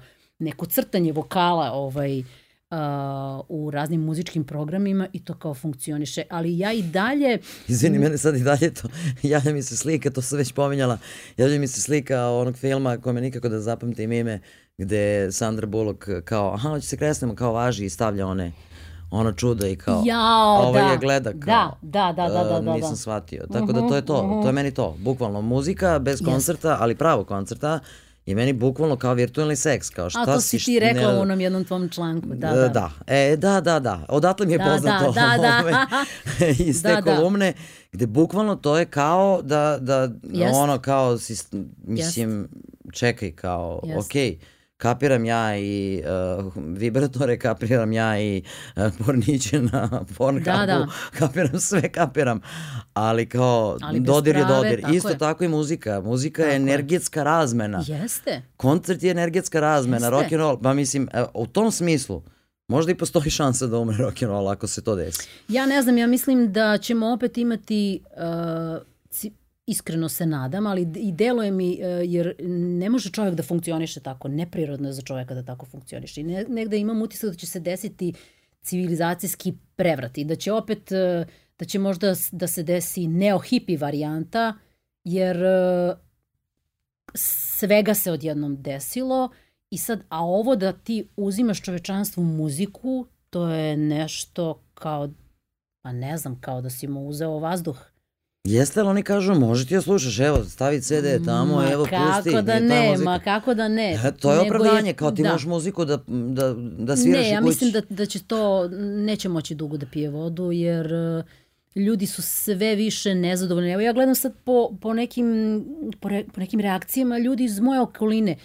Ta deca koja bi da krenu da uče, da uče pevanje i njihovi roditelji su u fazonu, ja ne želim online čas Ja, uh, ja sam jedno vreme imala online časove. Jer je moralo, da. Uh, sva, s, ono, tinejdžeri, odrasli, ovi koji žele da se bave muzikom kao na, na putu kao profesionalnom, svi su u fazonu ja želim uživo čas. I kao, ok, možemo da budemo u studiju i, i uglavnom ja držim ovaj, časove u, u velikim studijima za vežbanje. Mi imamo određenu distancu i sve to njima je zdravije za, za njih, za drugo, ta interakcija ne može da se meri ni sa čim, ja kao ne mogu, super, imam Zoom aplikaciju, ajde došao pevaj, i sad on, i kao, Kaži la. Ne postoji taj, to, to kašnjenje u signalu, u sve. Ne možemo u isto vreme da sviramo i da pevamo. Ja ne mogu da sviram kada ona peva i ob, ono, obrnuto. Znači, t, uh, to je potpuno isčašeno. Mislim, koliko god se trudimo da mi budemo tehnološki superiorni, neke stvari ne mogu da uđu u taj kalup besmisla e, i, i, i beskičmenjaštva. I jedna od stvari je muzika. Ja mislim da je stvarno muzika ono srž naših života. Svašta nam se dešavalo kroz muziku čik da vidim jel postoji osoba koja nije imala prvi seks u životu, da se to nije desilo uz neku muziku. Ajde samo da se, ajde samo nek se javi. Taj, pa Šta i taj, god da je. Pa i da li je neki, ples, da li je seks, da li je ovo, da li je ono, pa da li je nešto. Tako je, pa i taj neki koji sad hoće to da zabrani. Znači, verujem da je i on. Tako da, ovaj, me, meni je to besmisleno, to je, to je bukvalno s, um, baš onako napad na, na humanost. Mislim, kao, naravno i druge stvari mogu da budu. Možda kao... je to cilj. Znaš, kažu ljudi naravno. da je sad recimo sve ovo i vezano za priču o gostijskim objektima i o koncertima i ovo i ono. Ima ljudi koji bukvalno veruju da je to Znaš, e, to su poslednja uporišta okupljanja ljudi ne u nekom sad negativnom smislu, nego e, razmene energije između ljudi, jer znaš, ti ne odeš u kafić da bi popio pivo. Možda ga kupiš i u prodavnici, nije to problem nikakav. Tako je. Uh, ti ga čak i skuplje platiš samo zbog te interakcije, zbog ljudi. Da. Uh, ne odeš da slušaš Uh, možeš da slušaš ti Aretha Franklin gajbi, nije problem i to u originalu, ali ako će neko da ti otpeva negde u klubu to je drugačije, zato što je to, iako je nekad i lošije, nema veze, Da, da, ali to je da, live, da, to je da, da, interakcija između ljudi i energetski, neka, energetska neka razmena. A imam utisak da se radi, jako se radi na tome, da se ljudi u tom smislu onako, da iskoristim izraz, sjebu, bukvalno, Mhm. Ovaj, I činjenica je da su ove dve godine jako uticale na ljude u tom psihološkom smislu na više nivoa. Mhm. Uh, I mnogo je ljudi ranije pričalo o tome kako to nema nikakve veze sa tim i sa muzikom i sa ovim. Ima samo za vas muzičare i za vas koji se bavite poslovima vezanim za muziku i ćutite, nemojte da ste sebični. Ima, znaš, bitno je zdravlje. Jeste, naravno da je najbitnije zdravlje. Ali uh, psihičko zdravlje je nešto na čemu ćemo uh, da padnemo tek. Tako je. Već padamo uveliko, uh, naš, uh, ovo fizičko zdravlje još ćemo i da naučimo da čuvamo. Uh, neko je naučio, neko nije, neko pazi, neko ne pazi, neko ovo, neko ono, sve okej. Ali uh, taj psihički moment, psihološki moment, uh, koji, ja bukvalno od početka pandemije svima pričam to. Znači, nije to problem samo za nas, koji se bavimo bilo kojim poslom koji je vezan za muziku. To je problem za sve. Da, da, da. Zato što ti je uvek neki soundtrack negde. Jeste. Makar da samo sedneš sa poslovnim partnerom na ručak da popričate i da čujete neku muzikicu i da tebi bude lakše da se s Jeste, nešto dogovoriš. jeste, Ili da sedneš sa nekom ribom na piće ili da, ne znam, kao onako malo iskuliraš sa kolegom posle posla, da, da se nešto desi. Uh, znaš, o, nismo u izolaciji, a jesmo u izolaciji svo, vre- sve ovo vreme, jer smo nekako, ono, znaš, drugo, uh, taj moment gde ti, čak i na tim društvenim mrežama, koje otvoriš i samo vidiš ludilo, e, koje je vezano za određenu temu, a ranije si imao da vidiš i šale i ovo i ono i najava izložbe, najava ovoga, najava koncerta, ta normalnost koja ti se pojavljuje, da li na plakatima i bilbordima ili je na televiziji ili je na društvenim mrežama, ta normalnost koja je vezana i za kulturu onoliko, znači da ne govorim samo o muzici, nego o kulturi generalno, e, znači sad opstaju samo izložbe otprilike zato što ti tu možeš da uđeš odgledaš šta imaš i ideš na, napolje, razumeš? Sve ostalo se ubija onako na tenane, na tenane ili se bar guši onako na te, ajde, ajte malo, ovako, ovako, ovako, pa će neko da odustane, neko ovo, neko ono. Znaš i sama koliko je ljudi u poslednjih par godina prestalo da se bavi muzikom, zato što prosto ljudi ne mogu da, da prežive, a, ovaj, a to će uticati i na, na sve ostalo. Znaš, to je ono što je meni najproblematičnije zapravo u celoj toj priči. Pa da, zato što uh, ljudi misle da je uh, da je ovo u stvari luksuzno zanimanje i da u stvari to što čovek konzumira muziku to je, to je kao luksuz. A nikako da se znaš, to je kao ulje koje staviš, koje, kao maslinovo ulje koje staviš U mozak. kao preko salate. Ili to je kao, to je stvarno neodvojivi deo lju, ljudskih dostignuća.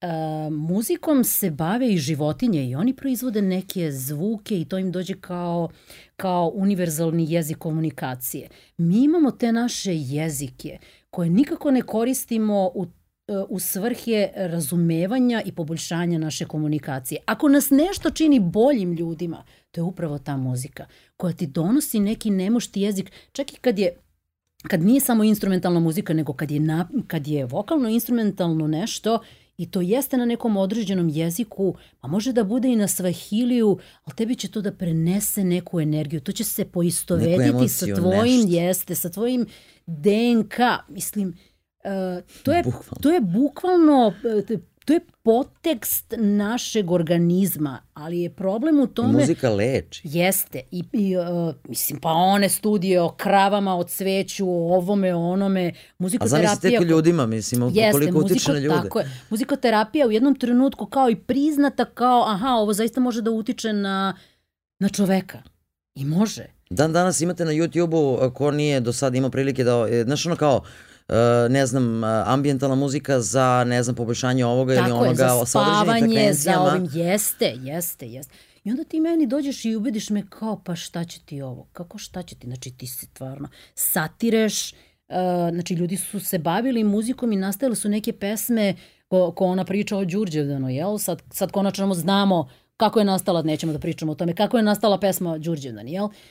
E, znači u najtež, pa ti, opet da se vratimo na, na crnce sa pamučnih polja, sa polja, pa da, sa polja pamuka. Oni su pevali da bi preživeli Jeste, lakše. da bi, bilo, da bi im bilo lakše. I onda mi ti dođeš i kažeš kao, pa šta muzika, šta sad? Ne, to, to je stvarno bila, stva, bila začin za održavanje života i prelaženje uh, kroz sve nedaće ko, koje može čoveka da snađe i kao, ne znam.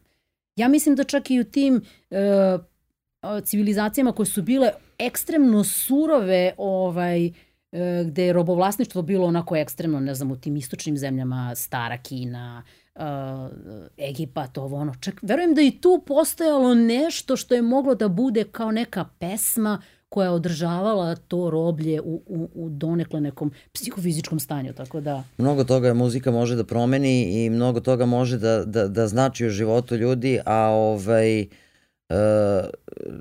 i, upravo je to ono zaključak cenovne priče koju smo pričali uh, doći ćemo u jednom momentu u situaciju da čak ni ti mladi ljudi koji misle da ih to ne zanima da im to nije nešto bitno u životu i da mogu da slušaju na YouTube-u mm -hmm. u krajnjoj liniji nema Facebooka šest sati Instagrama, svi su odlepili. Zamisli da ga nema uopšte, zamisli se nešto desi sa tim mrežom ili sa, da, da. sa tim internetom da, uh, i sa da. tim njihovom, tom njihovom takvom muzikom, da a šta se sad desilo? Šta će da im pomogne u tom trenutku? Onda će oni kao kroz svetlo cveće krenuti nešto da pričaju, Znači govor, aha, i možda će krenuti nešto da pevaju. Znači to će biti kao neka svojevrsna Sigurno terapija. Sigurno će krenuti nešto ja da imam učenike koji su kao na kraju nisu se ni bavili muzikom, ali bilo ono u fazonu, e, počela sam da sviram nešto ili da pevam i kao samopouzdanje mi raste, mogu da se mogu da javni nastup, sad nemam problem sa javnim nastupom i tako dalje.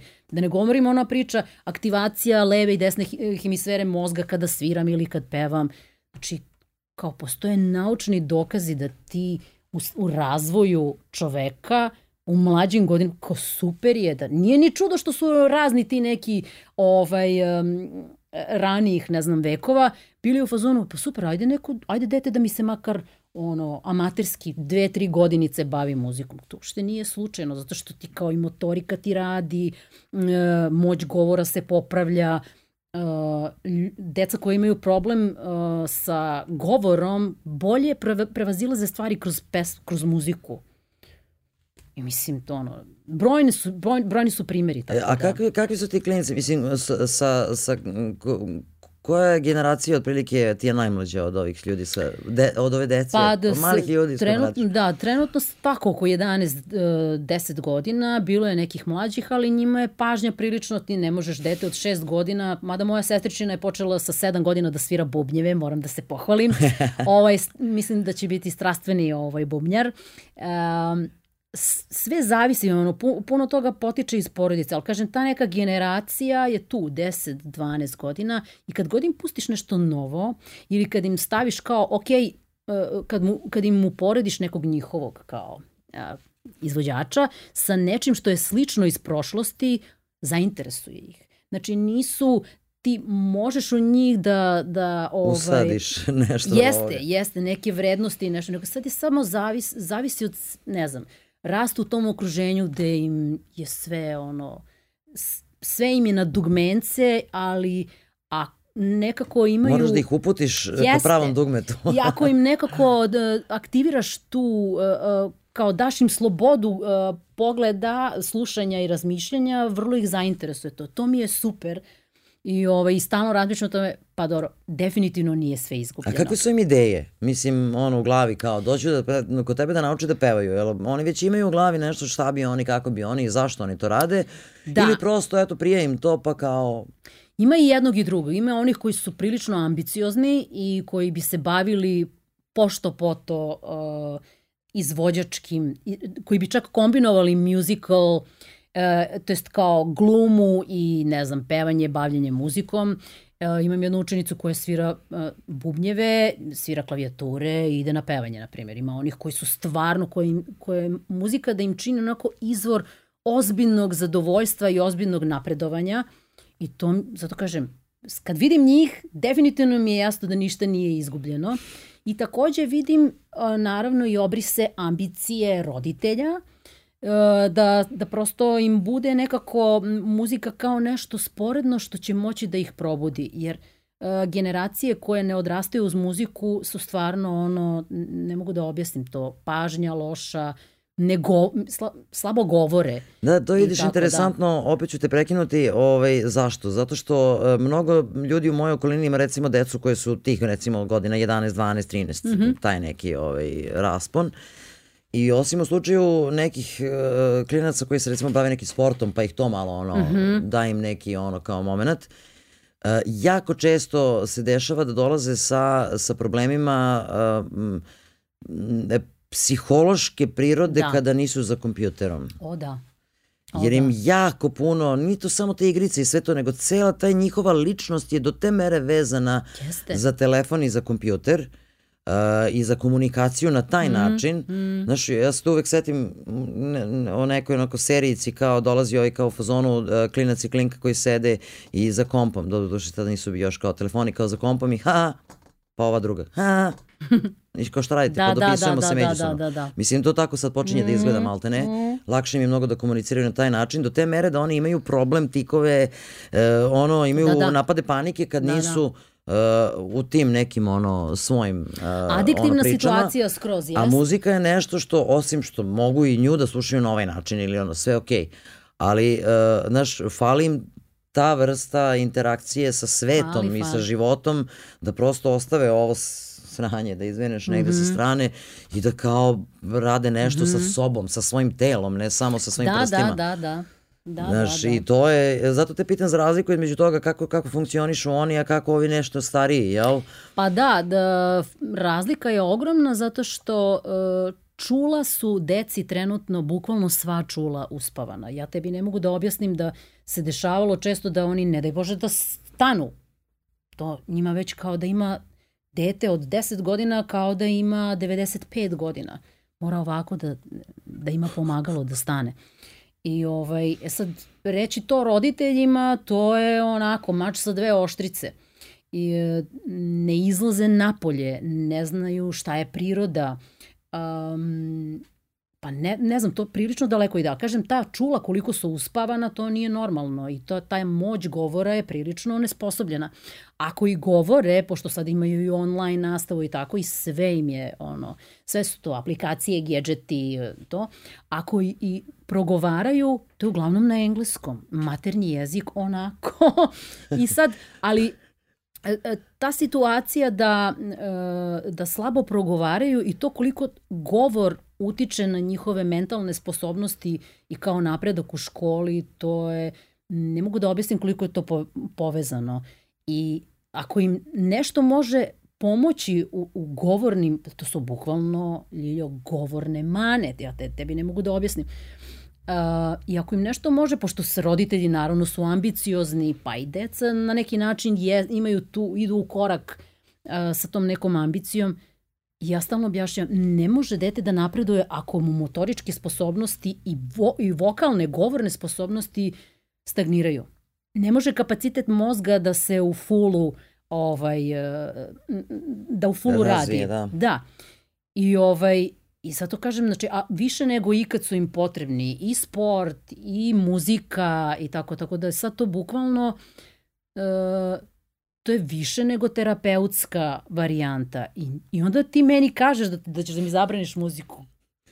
Pa jebe A pogotovo što oni kao pevačica, pevači najviše za, zaražavaju Bacamo okolinu. 800 metara u dalj, mislim, to je, to je da. To, to je tek e, velik, velika glupost, zato što onog trenutka kada, kada naučiš pravilno da dišeš tvoj digestivni trakt, tvoj respiratorni trakt će mnogo bolje funkcionisati. Ti ćeš na neki način svoj imunitet polako, ali sigurno dizati. Na, naravno, ostale stvari da, o kojima neću pričati kao, kao ovaj, jer nisam jel, iz struke te, ali ono što ja mogu da primetim prvo kod sebe, Jer ja sam u jednom trenutku imala onako skroz blokadu, bila, bila, imala sam zabranu šest meseci ovaj, ne pričanja i ne pevanja.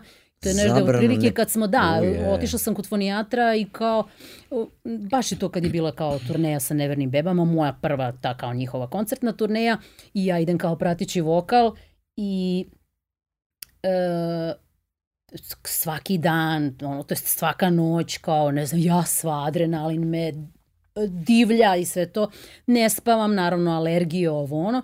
I desi mi se da bukvalno uh, u sred jednog uh, live nastupa televizijskog krenem da pevam i kao imam sliku, nemam ton, najviši ton, ćao. Uspela sam da završim pesmu do kraja, ali bukvalno od tog trenutka kad se desio taj prekid, ja kao odem kod fonijatra i kaže, super, kao nemaš nikakav, nikakav, nikakav problem sa glasnicama, osim što ne možeš da pričaš i da pevaš šest meseci, jer su se glasnice zadebljale, spojile i to je onako bio ozbiljan problem, kao ti imaš medicinsku terapiju i sve to. Šta je meni pomoglo? To što sam naučila da dišem, ali opet mi je tre, trebali su mi časovi. Ja nisam do dana današnjeg. Pa dobro, da nikad, nikad, nije, nikad nije kasno. Htela sam kod nje na časove. Ovaj. Ah. Ne, ozbiljno, ne, do dana današnjeg jako... Ovaj, to ne, uopšte ja, ne, stvarno ne umem da pevam iz stomaka, kasno. nekako je to, a i kad otpevam nešto iz stomaka, ja to nekako ovaj, eventualno prirodno mi dođe. Inače, vrlo često sam imala, da, ja sam išla svoje vremeno kod fonijatra zbog nekih zadebljanja. Mm -hmm. Nije bilo toliko strašno da mi zabrane da pričam, da, ali ovaj, da. da i dobro, tu sam saznala jednu vrlo ovaj, uh, korisnu stvar za, za, svoju, za svoj glas, a to je da stvarno ima muški glas, znaš. Znaš kako ti one izmere tamo, ovi logoped e, postaka. E. Izmere majke mi, znaš, i one, one frekvencije glasa ženskog su da, da, do, znamo, ove je, muškog to je do. Glupost, je, ove, I onda su, uh, moja donja granica je bila nešto onako značajno ispod za ženske vokale. I on me gleda kao... Mm, da. Da, dobro, ne, bajege, nemam da. komentar, ali u svakom slučaju, mislim, i ja sam bila u tom fazonu da ja kao altovski pričam, a da sam da idem do sopranskih visina, tako da to nema nikak, nikakve veze. Ali, elem, oni su hteli da me pošalju kod logopeda, jer su rekli ti sad moraš da ponovo učiš da pričaš, to jest da dišeš, jer ti si, to, to je kao da polomiš noge i ruke i ajmo sad od, od početka. I meni moja pametna drugarica kaže, ajde da kreneš na, na časove pevanja. I sad ja kao, šta ću ja na časove pevanja? Ej, alo, šta sad? Što mi je to poznato. I onda krenem i mic po mic sve što me naučila Tanja Stojiljković, to ja sad primenjujem sa ljudima. I ja kažem, ok, znači, dotakla sam dno, znam kako je, odvratno je. Od, prosto, kao, bilo je Hoće li se baviti uopšte muzikom više? Ne se baviti, nego osjećaj taj da ne možeš da koristiš užasno, ne, glas. Užasno, užasno. Ja sam svoje vremeno imala jednu situaciju u kojoj tri dana, pritom na nekom putovanju u Višegrad, još kao klinka nisam se da nešto ni bavila pevanjem, pevanjem, nego sam samo eto ko pevala, jel? To bili neki drugari s kojima smo neki bendić, nešto zezanje. I ovaj, imala sam situaciju da sam jedan jedini put u životu da kucam u drvo, ovaj, tri dana bukvalno nisam mogla da proizvedem glas. Užas. Ali nikakav. Užas. Ono, ništa, grozno, grozno. Ništa, ništa. Da. Znaš, bilo je čak i neprijatno kao sretneš neke nove ljude kao, ćao, ti si Ljilja. Mm. Uh, pa re, ne mogu da, ali bukvalno, Jest. ja sam imala takvu paniku. Grozno je, grozno je. Takav osjećaj užasa da, da, je, da. da je to strašno nešto. Da, da E, gde sam kasnije počela malo više vodim računa o nekim stvarima baš zbog toga, jer da, kao da. to da mi se desi još jedan dan u životu, Grozno. ja, znači, osjećaj katastrofa, Užas. tako da kapiram zašto si odmah da. posle toga krenula da I radi. ovaj, I sećam se svoj prvi nastup, opet je bilo sa Nevernim bebama, opet televizijski nastup. I sad kao nema veze, ti si prateći vokal, šta sad ima veze? Ali to je meni kao da, ne znam, znači da ne govorimo o tome što taj bend je usadio me, u mene tako uh, te o, ogromne radne navike, kao nema ti si, ti, ono, ti moraš da izgaraš i na bini i van bine i, ne, i nema tu pardona. Pa da. I sad kao tek sam počela i, i već mi se desio ogroman peh. Ja sam bila preočajna i prvi nastup, znači, ja sam bila ono, da kažem, pod kondi, imala sam svog kondicionog trening, e, trenera i taj prvi nastup, znači to je sad kao ponovo staješ na noge. Ja sam se preznojala sad kao u studiju, znaš i sve to. Ja sam se preznojavala, bila sam u fazonu, joj, samo da ovo prođe. I sećam se moje sreće, ali i ono užasnog napora kao hoće li ovo uspeti. I onda od tog trenutka moj glas, od te ptičice koja je bila, to je sad jedan aždajski glas. I zato kažem, znači, kad sam shvatila koliko, koliko te neke stvari pomažu a to, to sa disanjem, jer mi smo svi znali da savršeno dišemo kad smo bili mali i onda kad se desilo to da propričamo, mi smo se zajebali. Jer smo onda krenuli da gutamo uh, hranu zajedno sa vazduhom, onda su nastali svi naši, svi digestivni problemi, opet će me neko gađati ovaj, iz, iz, sa polja medicine, ali generalno svi problemi koje imamo nadimanja, ne, neke i ostale te stvari. I to kad jedemo i dok gutamo vazduh na usta, to je nešto što zna da, da dugoročno napravi ozbiljnu smetnju. I to naravno kad se uspaničimo, kada, mm, kada imamo neki zdravstveni problem. Disanje je to što, koje nama donosi taj, taj faktor stabilnosti. To nešto što može da nam poboljša situaciju. Zato uvek kažu kao udahni nekoliko puta pa onda ovaj tako je, znaš, ono tako kao... je. I ovaj i sad ali i to to je isto velika zabluda kad odemo kod doktora kaže udahni duboko i sad ti udahneš oko da te zaboli sa površine pluća, ti opet ništa nisi uradio. Znači to je te ta priča te treba. što bi rekla moja profesorka, mi dušo pevamo jajnicima, i a, a muškarci jel ovaj Mudima, I ovaj tako je i to je to je živa istina. Ovaj i onda u suštini to kao, ok, to, to treba sad da, da polako ideš novim putem, to su stvari sve stare dobre navike pre nego što smo progovorili. I onda, opet kažem, faktor muzike, faktor disanja je to nešto što je stvarno kao neka vrsta terapeutskog dejstva. I sad opet kažem, da se meni nije to desilo što se desilo, verovatno bih ja rekla, ma daj, ne zajebavaj, šta, kakve to veze ima. Ali, ono, mojim ličnim primerom, uh, uh, garantujem da su stvarno neke stvari kao možeš, možeš da uspeš, možeš da nastaviš kao ono, sve, life goes on i ti stvarno možeš da napreduješ. I pevanje je generalno nešto što se, ono, možda učiš ceo život. Evo ti Pavarotti, vidi ono, koliko je imao kilograma, pevao je kao zmaj celog života, Monserrat Caballé, ne znam, svi ti ono, svi ti ono ljudi. Opet s druge strane, da nije bilo nekih, nekih loših okolnosti u životu, ne znam, Whitney Houston ili, e, ili ove Amy Winehouse i one bi mogle da prolaze kroz gomile tih ne, e, životnih nedaća lakše kroz kroz, kroz tu muziku, kroz da. Kroz muziku i kroz umetnost, da. a vidiš, e, to je interesantno, znaš, ljudi uopšte ne pada im na pamet, pogotovo onima koji se ne bave muzikom, koliko čak i to uh, uh, rasterećenje kad ti odeš negde pa se onako raspevaš iako ne znaš da pevaš. Tako je. Uh, pa nešto se raspevaš, pa nešto ti tu vičeš, nešto, a, ili pevaš po yes. kući yes. dok čistiš, ili ovo dok voziš, ili nešto, čak i kaže mi da falširaš najgore na svetu, da nisi pevač koliko to znači ljudima koji Absolutno. se ne bave muzikom, da prosto, Jest. e, Jest. nešto, pa mi ćemo krenjuli nikad odano te utakmice. Njima je nekad Jeste. ceo taj, znaš kao, oni na taj način izbacuju iz sebe određenu energiju i, i, i na, e, dobijaju neku drugu. I to je ono što ljudi nekako ne kapiraju, znaš koliko je to Jeste, jeste, jeste. način ekspresije neki koji prosto utiče na, na, na ljudsko zdravlje jeste, i jeste. zašto je ta muzika toliko bitna. Mislim, najviše se bavimo time koliko je muzika bitna za organizam, a jeste mm. baš iz takvih razloga i koje viš, uh, i ka, a kako kreneš sa njima kad radiš? Uh, šta je ono što na prvom času negde moraju da se vladaju, kapiram da ne kreneš odmah da ih maltretiraš za neke, znaš, ono, skala, čekaj, ovo ćemo, ono ćemo, kako, nego, znaš, moraš malo da ih uvedeš u priču. Pa prvo, da, prvo mi je važno da znam šta to njih pokreće, šta, šta je njima važno to oko te muzike, šta, je, šta im je to. I drugo, radimo uvek ono što vole. Ne namećem jao sad ti moraš zbog toga i toga da radiš kao u muzičkoj školi. Kao. Ne, znači sva pravila muzičke škole sam bacila u đubre zato što znam šta je mene ovaj frustriralo i znam koliko te neke metode uopšte nisu urodile plodom.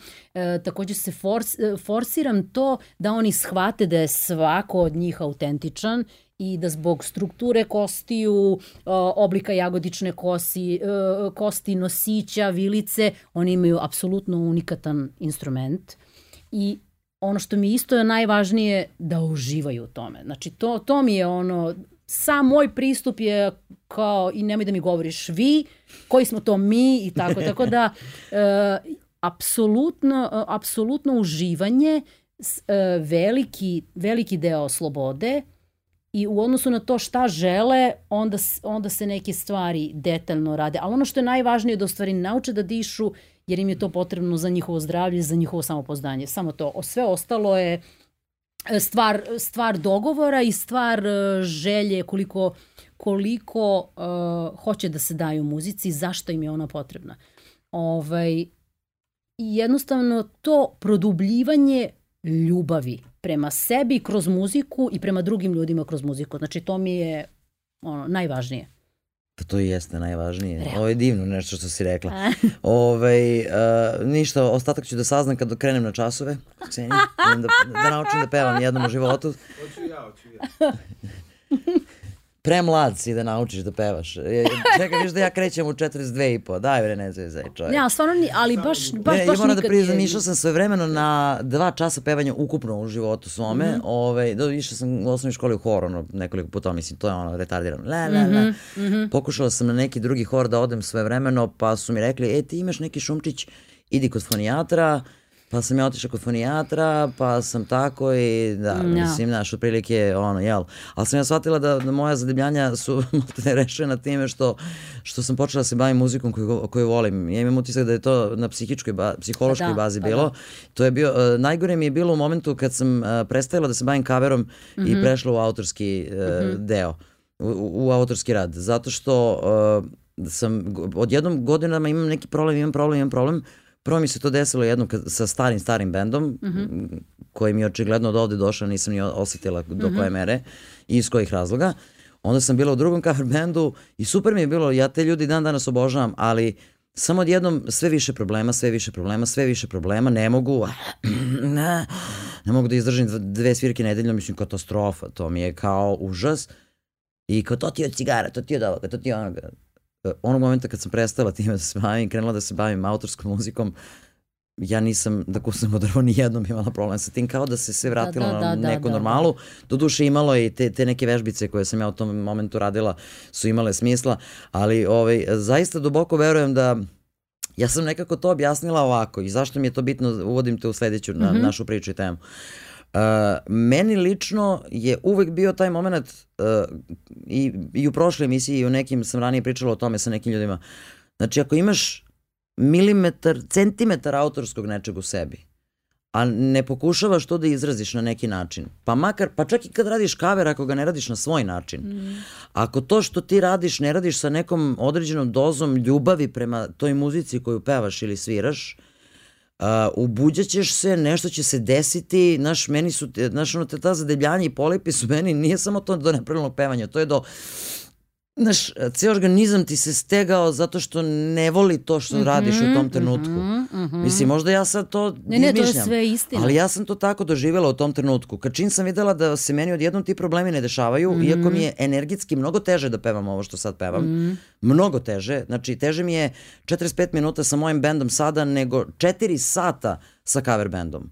Koliko god to glupo zvučalo, ja sam imala. Ne, seanse od po razumem. 3,5 sata, 4 sata na bini, Mhm. pevanja tuđih pesama, gde ja izađem i kao, okej, sve, znaš, kao, aha, malo sam mrtva, ali ono, to je to. Ovde otpevam sat vremena s ovima, ja kao, nije mi dobro. Znaš, ali drugačije, jer, jer je energetski drugačije. Ali meni to, to buđanje duše, uh, kad ne izbaciš iz sebe to nešto umetničko i autorsko što imaš, to je meni nešto neverovatno. Mm. I znam kad, kad je bila promocija ovog izdanja i kad smo nešto pričali na te teme, kao otprilike, jer ja tebe znam kao prateći vokal, cover vokal, dobro, prosto kao, otko znam, ima prosto ljudi koji se time bave, mm. nemaju taj neki autorski poriv i to je, i to je okej. Okay. Mislim i to mi je u redu, prosto reprodukuješ neke stvari i to je to. Ako je neko zadovoljan i srećan, to je super. Ali tvoj oduševljenje činjenicom da si ti napokon uradila nešto svoje. Znaš, taj... Ka... A ne mogu da objasnim to, to je, to je nešto... A opet, izvini, bez tog momenta ja ću sad zvezda, ja sam sad, ne, uopšte nemaš ti taj trip. Meni, ja sam to uradila, pa kome se svidi, svidelo se. Mm. E, to je taj moment koji je, čini mi se, nekako najbitniji kod ovog albuma. I kod tebe kao, znaš, sad mogu opet da pevam i ovo i ovo, nema veze. Ali ovo, to sam, ja, izbacila sam to iz sebe i kao izbacit ću kad god mi naleti. Mm. Koliko je tebi to bilo bitno u tom trenutku? Um, to je mnogo, ovaj, mnogo triki priča. Ja sam u stvari, e, moje prvo zaleđenje, zato, kažem školski sistem je užas. Ovaj, s jedne strane. Uh, kad odeš u muzičku školu, ti sviraš Baha, Beethovena, Rahmanjinova. Ti sviraš sve, znači ti prvo, i kad kreneš da učiš o njima, na primjer, na tim predmetima u srednjoj muzičkoj školi, kao u istoriji muzici, to su bre, ogromni umovi, to su sve bili neki ingeniozni ljudi, Mozart, to ono. I sad ti u nekom trenutku, sad to je moj pogled na, na muziku, uh, meni je muzika uvek bilo nešto čemu se ja klanjam, čemu se ja divim, čemu sam ja posvetila svoj život. Bez obzira koliko sam bila ovaj dete. I u jednom trenutku, u stvari, mo, uh, moji roditelji su bili u fazonu kao ti moraš da se baviš ne, nečim što ima veze sa umetnošću, zato što sam ja u petoj godini svog života znala jednu monodramu na pamet. Znači, to je krenulo od, ta, od toga I onda se stalno razmišljalo hoće li ona da krene u, glum, u glumu ili će da krene u muziku, ali muzika me je svojom nekom a, a, tom dubokom nekom iskrenošću nečim za ohvat, zahvatila i ne pušta me od dan današnjeg. I ovaj, ali je poenta to što kad si u muzičkoj školi ti nekako sve to učiš, učiš da, da, da ti ego divlja, ili, uh, ili ćeš da propadneš sa svojim frustracijama i to je stalno tako nekako. I onog trenutka kada, mi je, kada sam se otresla toga i kada mi se desila moderna muzika i to, onda sam osetila jednu, jednu vrstu ogromne slobode, a opet s druge strane ja nisam bila, ja sam bila u fazonu jebote ja one, kako ja, šta ja sad, što, što bih ja komponovala? Pa vidi sve još, sve rečeno, sve je... I onda sve ti, su već smislili. Da, sve su već smislili, šta sad ja, to odra, mislim, nekako mi je bilo u fazonu, ajde ja prvo da, da ispečem taj zanat, vidim li ja to mogu. Pa sam onda krenula u jednom trenutku da učim e, kao o produkciji u, u smislu snimanja u studiju. Znači, to je bilo posle moje etape kao studijskog pratićeg vokala i to sve. I sve vreme mislim, ja nisam dovoljno dobra i ja nisam. I onda kad su krenuli ti kao cover bendovi, To mi isto bilo čudno, kao kako je moguće da ima tih toliko cover bendova i oni se sve nešto nadmeću među sobom, pa to sve nešto, pa neki repertoari, pa ovo, pa ono, pa e, pet, pet vokala na bini, pa ne znam nija šta, znači sve nešto, ne znam. I onda shvatim, sad to shvatam, pa opet nisu ni ti bendovi krivi. To je opet ono o čemu pričamo. Znači, forsiramo da pravimo kopijine kopije kopije i da se izvodi nečija tuđa muzika i i uopšte ne želim da se kao e, rađa neko sa autentičnom željom da stvara. Nego mi ćemo stvaraoce u stvari da eliminišemo. I zato me užasno nervira ta uniformisanost. Znači, to je to što nas nije... Uh, ja ne znam da li igde uh, na Balkanu ili u Evropi postoji toliki broj cover bendova. Koliko ja znam, i u Americi ti imaš gomilu tih mladih bendova koji krenuju kao uđem u garažu, u podrum i vežbam Prime i oni cover, ali nekako to, znaš, prosto... Ja, majke mi, ja mislim da samo mi imamo ovoliki broj cover bendova. Ja ne znam, to ne znam za Hrvatsku. A dobro, može da se nauči nešto iz toga svega. Ne, ma, ja sam puno naučila. Mnogo, Prvo, mnogo može da se nauči ne? iz toga, znači, da. naučila sam stvarno, stvarno puno. Prvo, kao naučila sam razne stilove, to je žanrove i onda sam naučila kao, ok, mogu da pevam i Roisin Murphy i mogu da pevam i Beyoncé, mogu da pevam i ne znam, uh, Ja sam, ja volim... Ali nisi se plašila da ćeš se, baš sebe da izgubiš? Kako nisam? U jednom trenutku sam bila u fazonu, jao, šta je bre ovo? Kako ja u stvari pevam? Da. Kad nisam ovaj, Beyoncé ili Areta Jeste, ili... a onda sam bila u fazonu, pošto ja ceo život u stvari mnogo više volim muške pesme nego ovaj, nego ženske. I onda da, sam bila u fazonu kao, moj prvi nastup na, na tom, jel, čuvenom trikaduru je bio Kiss od Princa. I onda su ovi iz, a, super ste ti to malo izimitirali, jer kako, prate, kako da imitiram to, Princ je pevao tu falseto, šta da radim ja. Ili tako, znači sve je bilo, drugi put kad sam se pojavila bio je Leni Krevic ili tako nešto. I sad, e, strašno sam se tražila puno u stilovima, ja sam bila u fazonu, pa šta je ovo, pa ko sam ja, idite se tako. Dok nije Žule koji je bubnjar, jel sad je bubnjar uh, grupe. grupe, ti si rok pjevačica.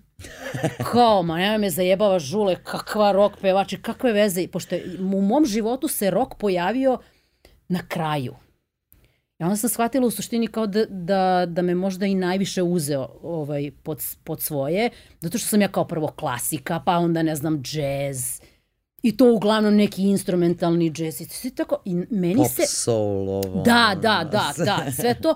Meni se u stvari rok desio potpuno na kraju, ali me je, je rok nešto što je mene oslobodilo i svaki put kad pevam ne, nešto kao neki cover, ja uopšte ne osjećam da ja treba sad kao nešto tu da se da kalkulišem, nego ja sve na svakom svom tom kao na svirci sam uvijek izgarala do kraja. Onda shvatim kao, ok, ja ne mogu ovo da otpevam. I onda sam ja bila u fazonu, ja sve želim iz originalnog tonaliteta zato što ja, ja moram da, na, da napredujem.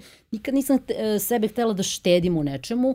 To je s jedne strane imalo i svoje negativne stvari, a s druge strane to je opet me dovelo do toga da u stvari ja da, da je Žule u pravu, znači to je, to je to, znači ti sad izgaraš kao, kao taj neki Hendrix, razumeš, samo si za, mislim, naravno neću tebe upoređujem sa, to, sa tom Ali velikom veličinom. Ali u nekom da. smislu, da.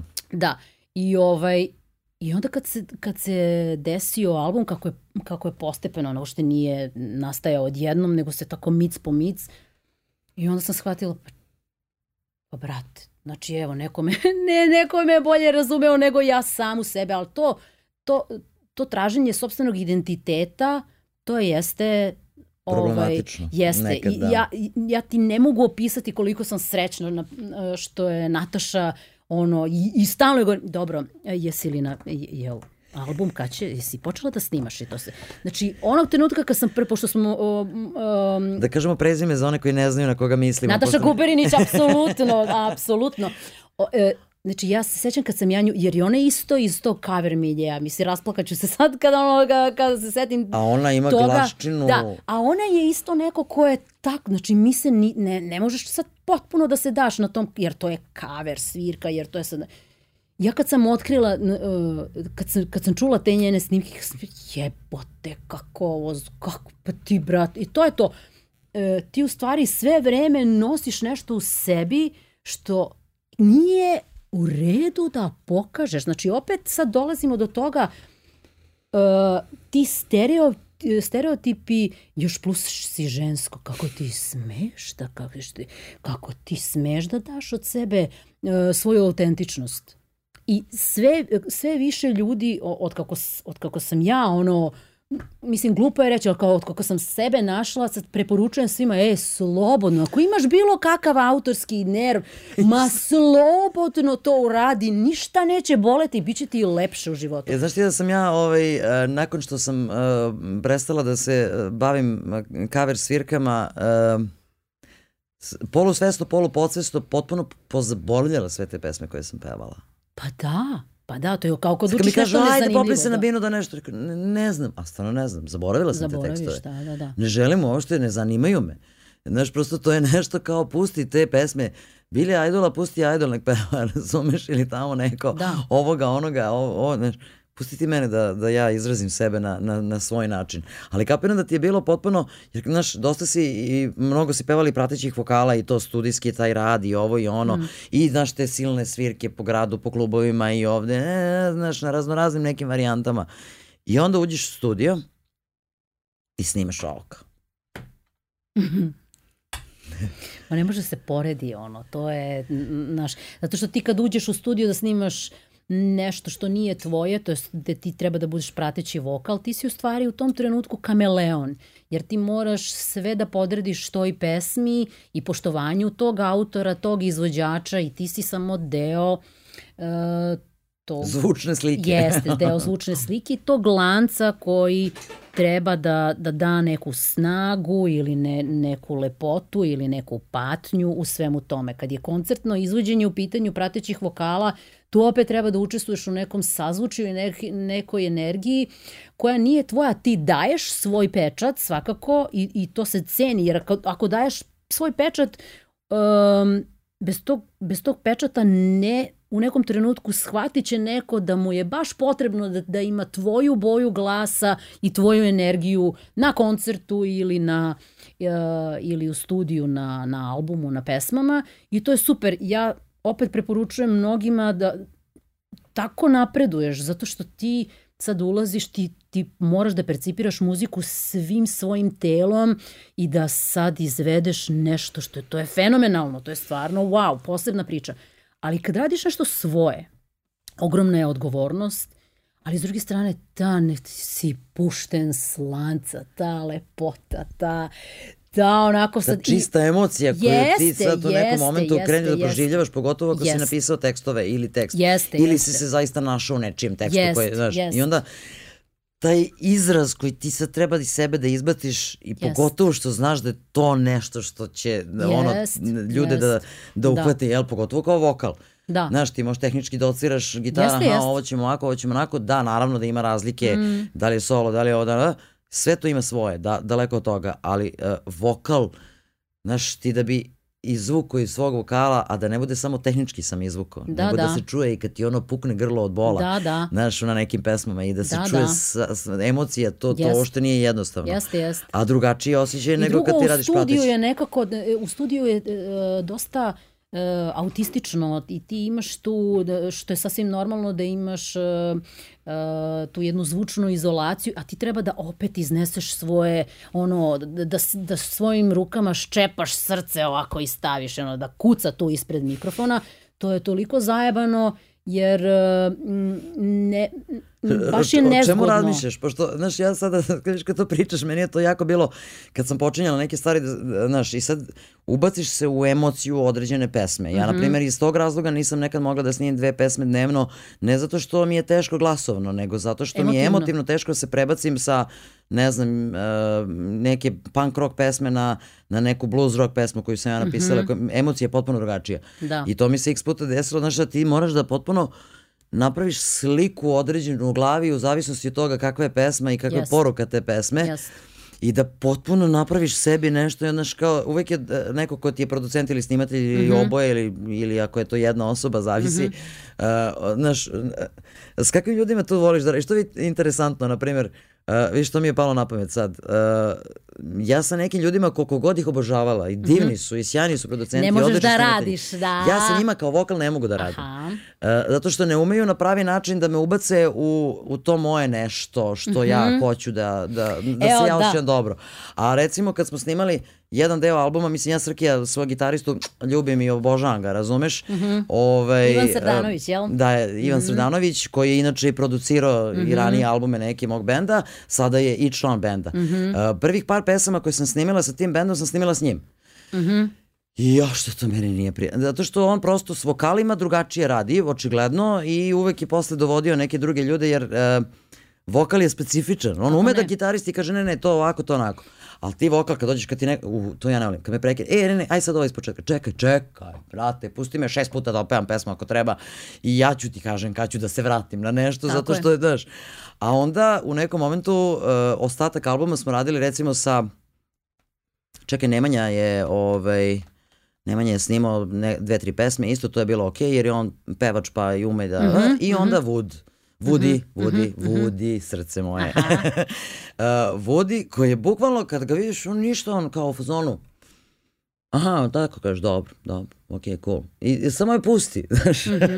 I onda ja kao, čekaj, ovo ću iz početka. Dobro. Znaš, i samo ovako pusti se i ja skontam da su takvi, recimo, meni ljudi najviše odgovaraju.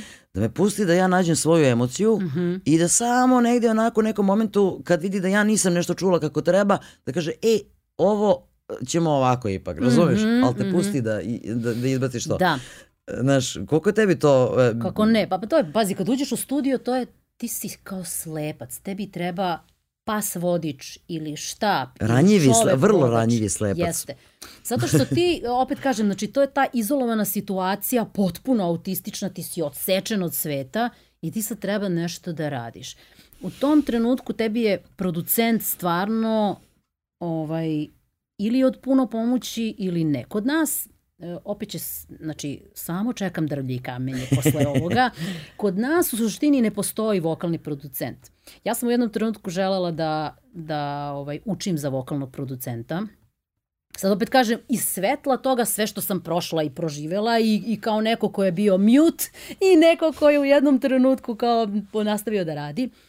Em, slabo, e, kod nas su uglavnom bili ljudi, sad opet u istoriji na, naše muzike, uglavnom su to bili ljudi koji su bili instrumentalisti i onda su ono, zato što su bili ingeniozni u, u tim nekim stvarima, potrefilo se da budu jako dobri i sa vokalima. Ja sam posle, naravno, kroz, kroz već svoju kao karijeru, imala sam uh, ne znam, situaciju da radim sa Vojom Aralicom. Sećam se da je meni, znači prv, prvi su mi rekli, e, ne daj Bože, ti tako cmoljava, pošto ja jednom tu, ja sam s- e, ovako kako sam malo drčna i brbljiva, opet s druge strane sam e, veliki emotivac i svi znaju da ja... Smoljava, ali Ne, ne Smoljava, dobro, sad sam to rekla Smoljava. Ovaj, e, svi znaju da ja vrlo često umem da se rasplačem na, na nepravdu, na, kad me pogodi pesma, kad ne znam ni ja šta, kad se ljudi vole ili tako ja, mislim prosto ono sam, jel, Smoljava. da, i ovaj, i sad, e, kao, jao, ti tako t- t- t- osetljiva i sve nešto, ti ne bi mogla, na primjer, sa Aralicom. Jedna od najboljih mojih saradnji, opet u svojstvu pratećeg vokala, je upravo bilo sa Aralicom. Zato što e, je čovek već stekao neka iskustva i znamo je da je rad, ono, kao funkcionisao je u, Kanadi, ali tako gde li već radio u tom nekom svom periodu. E, znači, on jednostavno zna da te postavi i šta ćeš ti i šta će od tebe da dobije na vrlo jedan jednostavan način. Ali opet s druge strane, E, moji snimatelji su recimo bili ljudi koji, sa kojima se ja jako dobro kapiram. Sa, ne, sa ljudima koji, e, sa kojima sam podelila mnogo sati i sati priče o muzici. Znači, skroz mi onako, e, ne znam, mislim... Izvini, e, sigurno sam da postoji razlika u tome kad, e, kakav je e, vokalni producent Mhm. kada radiš e, kao prateće vokale Tako je. i kada radiš svoje. Jer Tako je. vokalni producent koji radi prateće vokale, e, ti moraš to tehnički da odradiš kako treba. Apsolutno. U suštini. Jer nemaš ti sad kao prateći vokal da tu sad daješ ne znam kakva emocija. Tako je. Tebi je tehnički bitno da uradiš ovo, da li će je. ovo u falsetu, da li je ovo ovde, da Tako li je je. ovo koji je to, na koji način i šta je taj nekog zamislio. I to je to. I to voditi tu priču je jedno, Mhm. ali voditi na pravi način uh, uh, nekoga, znaš, e, za, zašto o tome pričam? Uh, re, recimo da je uh, u nekom momentu, ne znam, uh, Nataša Guberenić i još neke moje divne drugarice, pevačice su došle da pevaju prateće vokale za moj album. Uh, kad su uh, ona i Vudi krenuli da pričaju, kad je ona ušla u studio, ja nisam razumela šta pričaju. Iskrena da budem. Znaš, a stručno ovo, ovo, ovo, ono, da, da, da, da. Mislim, ono žena je pokidala Boga, oca, šta je otpevala Aha, tu, razumeš? aha. Otprilike svi mi smo bili u fazonu, a šta radi ova žena s vokalom? E, jel? A, I to je, a, kad sam, do, ono, a pre toga ja kad sam došla i sad ovaj meni, e, a možeš da, nećem se ni šta mi je rekao. Mhm. Rekao, Vudi, sa mnom ko sa retardiranom. Znači, objasni mi najplastičnije, možda ništa se ja to te, ne razumem ono stručno, šta je to što ja treba da uradim. Znači, moraš da mi objasniš bukvalno kao da nemam Da, da. pojma šta, gde, kad, kako. Automatski je shvatio čovek, da, ok, to nije to stručno, sad ću ja tebi Mhm. ovo, ja, ono, ne znam kako se zovu sve ti momenti, vokali, tonovi, Mhm. čuda, razumeš? Ne, on je meni objasnio, ej, treba postaviti što to, to i to. Znači, tu postoji velika razlika kako će te neko snimati i zašto, zato je tebi verovatno više prijelo to. Apsolutno. Jer su to ljudi koji te poznaju, pa sve i da to stručno, znaš, kad pevaš autorsko, ne pevaš stručno, nego ga pevaš da, da. emotivno. Da, da. Znaš, bar ja to tako Ja sam imala gledam. situaciju, pazi, ovi ljudi, svi ljudi koji su me snimali za album, a to je bilo dvojica, jedan je Goran Antović, drugi je Joca Šatrić i pazi, jedan je klavijaturista, drugi je bubnjar. Znači, i sad jednom prilikom je čak i Žule snimio mm, za, za jednu, od, jednu od verzija pesam, pesama sa... Znači, to su ljudi koji su u suštini do dna u muzici, ali i mi sad ne mogu da kažem da su mi sad, osim Žuleta koji mi je i kum, nismo mi sad ne znam koliko blisko kućni prijatelji ili ne znam, ali to su ljudi koji imaju ogromna znanja, ogromno strpljenje i jednu fenomenalnu energiju uh, gde te upravo puštaju, da ti pomažu, kažemo ono kao slepcu, ali s druge strane puštaju te da budeš svoj i da upravo to da ne govori, da, da u stvari taj mikrofon ispred tebe ono oživi, da, da, da, da svojom emocijom e, razrušiš tu gluvu sobu u kojoj se nalaziš. I da to ostane zabeleženo, znaš, ono Jest. kao naučite u nekom momentu da to mora čak da bude Jest. u nekim momentima jako prenaglašeno e, u snimanju, da Tako bi je. se to zaista tek malo osetilo Tako na snimku. Tako je. E sad, opet s druge strane, ja, na primjer, imam neke svoje zahteve, jer sam kao shvatila, e, krenula sam da osvešćujem šta se to dešava, jer pevanje je generalno i bavljanje muzikom jako svestan rad. Neko, sad bi neko rekao, e, ide mi, ne ide mi, pa nije. Pa i seks je svestan, zar ne?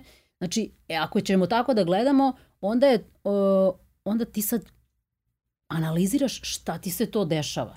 I onda, na primjer, ja sam shvatila, ok, e, moraš da mi doneseš kofu sa vodom, ali ozbiljno, kofu sa vodom u studio, zato što mi smeta uh, suvoća vazduha koja je karakteristična za svaki muzički studio, naročito ako se u toj gluvoj sobi, kao na primjer kod Joce, gde, se nalazi set bubnjeva ili nešto, znači ako ne znam, meni prašina me razvaljuje.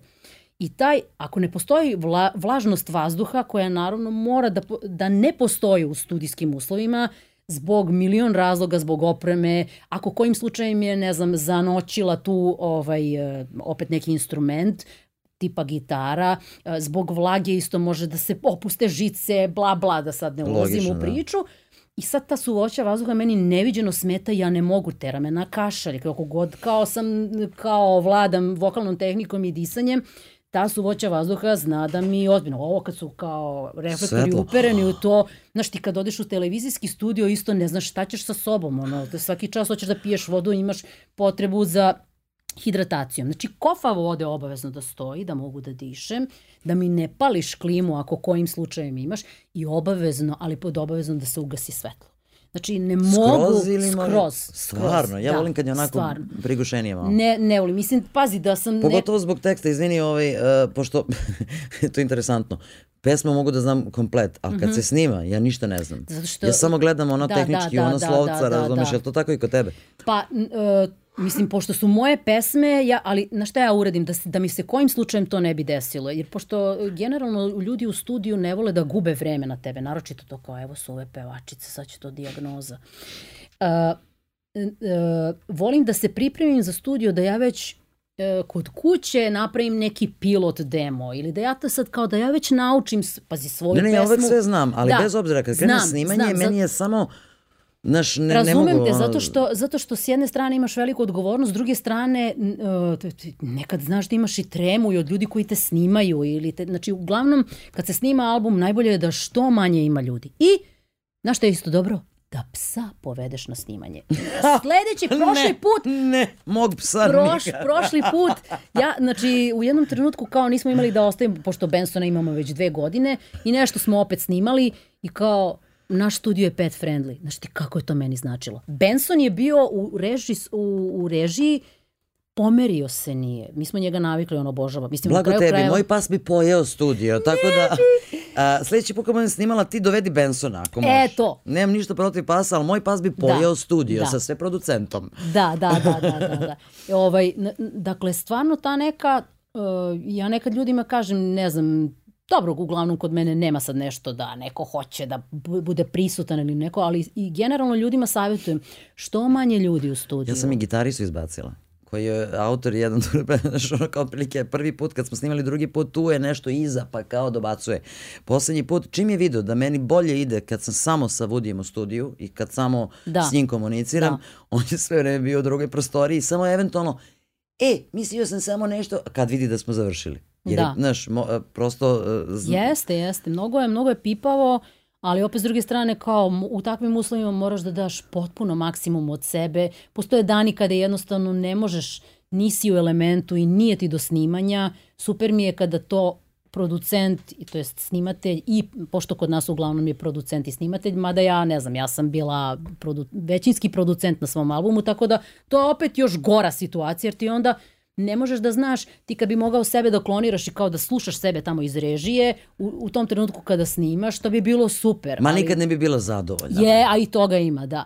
I onda Mislim, koliko se puta desi ti neko kaže, u, ovo je strava. Ti, I ti ono, ja, ovo je užas. A nije, ovo može bolje. Da, da, Mislim, jeste, znaš, jeste. meni se x puta, i dok snimam dešavalo da kažem, ne valja ponovo. On kao, ne, ne, nije loše, ne valja ponovo. Da. znaš, osetim da nije to to, da. razumeš i ne ja zanima. Ja sam u fazonu isto da nikad ne slušam Mora taj snimak uh, tog dana kad sam snimala, jer ja ne želim da ulazim sada u analizu toga uh, što sam se emotivno dala. Ako je loše, nema veze, čuću to za tri dana, za pet dana nema veze. I ako, ću da, ako to nije u redu, ponovit ću. I opet s druge strane, super mi je, dakle, što su i Goro i Oca u fazonu, ne ide ti danas, nemoj. Bukvalno, da. Nemoj. I uh, nekad je isto ono, nekad je dobro, to, to je to što mi imamo stalno neka ograničenja, uh, jao kao pa čekaj treba da platim studio pa treba ovo pa treba ono. Kako god da kakva god da je situaciju nemoj to da ti bude na uštrb kvaliteta i na uštrb toga da li ti je ova sad emocija izašla ili nije. Ili što ti kažeš neka i škripi super tvoje moje je. I ovaj ali baš je onako, super je, super je kad radiš nešto svoje, ali je zajebano, neviđeno onako. I ono što je, sam isto naučila baš od Gorana Antovića je to e, da u tom trenutku kada nešto snimamo, mi smo na toj određenoj razini svesti, emocija, svojeg znanja, tehnike, bla bla truć. I mi samo treba da se nekako pomirimo sa tim i onda sledeći album, sledeća pesma i to kao, sad ću ja, kao da ne vraćamo stalno, da primer, aha, sad ovo nisam dobro odsvirala ili otpevala, e, aj sad ponovo, sto godina to, pošto sam ja, na primjer, radila svoju jednu pesmu, znači, Sunovrat sam radila obrni okreni jedno pet godina. I ni jednom frazom, ni, ni jednom fazom, aranžmanom, nešto mi ovde fali ovako, onako, znači to. Pa, ne znam, odabir ovoga, onoga, čekaj da bacim ovo, ne, ovo mi sad nije dobro.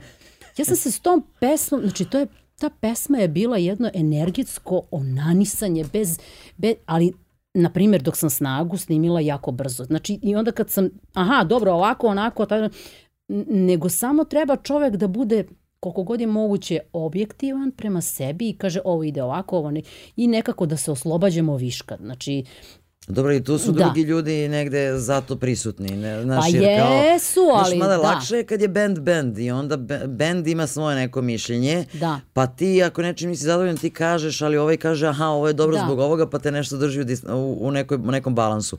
Kad si sama sa sobom i sa svojom muzikom imaš ti svirači, imaš producenta, da. imaš da. sve, ali je to tvoje i ti si yes. jedina odgovorna za to. Yes. Ja kapiram da je to dodatno mnogo zajebanije, zato što mnogo, onda kao mnogo Ja, jeste, znaš, jeste. I zato ti jeste. treba uvek neka, neko da ti ono, a kako te muž podnosi u tim ovaj, momentima, mislim, koliko on utiče na to? Pa ne mislim, nekad, nekad je umoran od toga i nekad kaže ja, ja ne mogu da radim Snimi s tobom. šta hoćeš, baš me briga. Ne, ja ne mogu da radim s tobom i ti si naporna i ti si, i da, često, često je u pravu jer ja uh, često imam svoj, svoje viđenje nekih stvari Uh, Ili kaže ja ću samo da odsviram na svirkama, to je baš me briga. uh, da, nekad, nek, mislim, on, on uvek da milion posto sebe, ali ja onda kažem ne, ovo mi se ne svi, jer on, on ima dru, druge, druge vrednosti, drugo odrasli smo malo na drugačijim muzikama. Naši zajednički imenitelji su, ne znam, Pet Metini, Toto, uh, ne znam, ali ja, na primjer, Dream Theater nikad nisam volela. Nikad, čao, znači ne mogu to da slušam, ono, eh.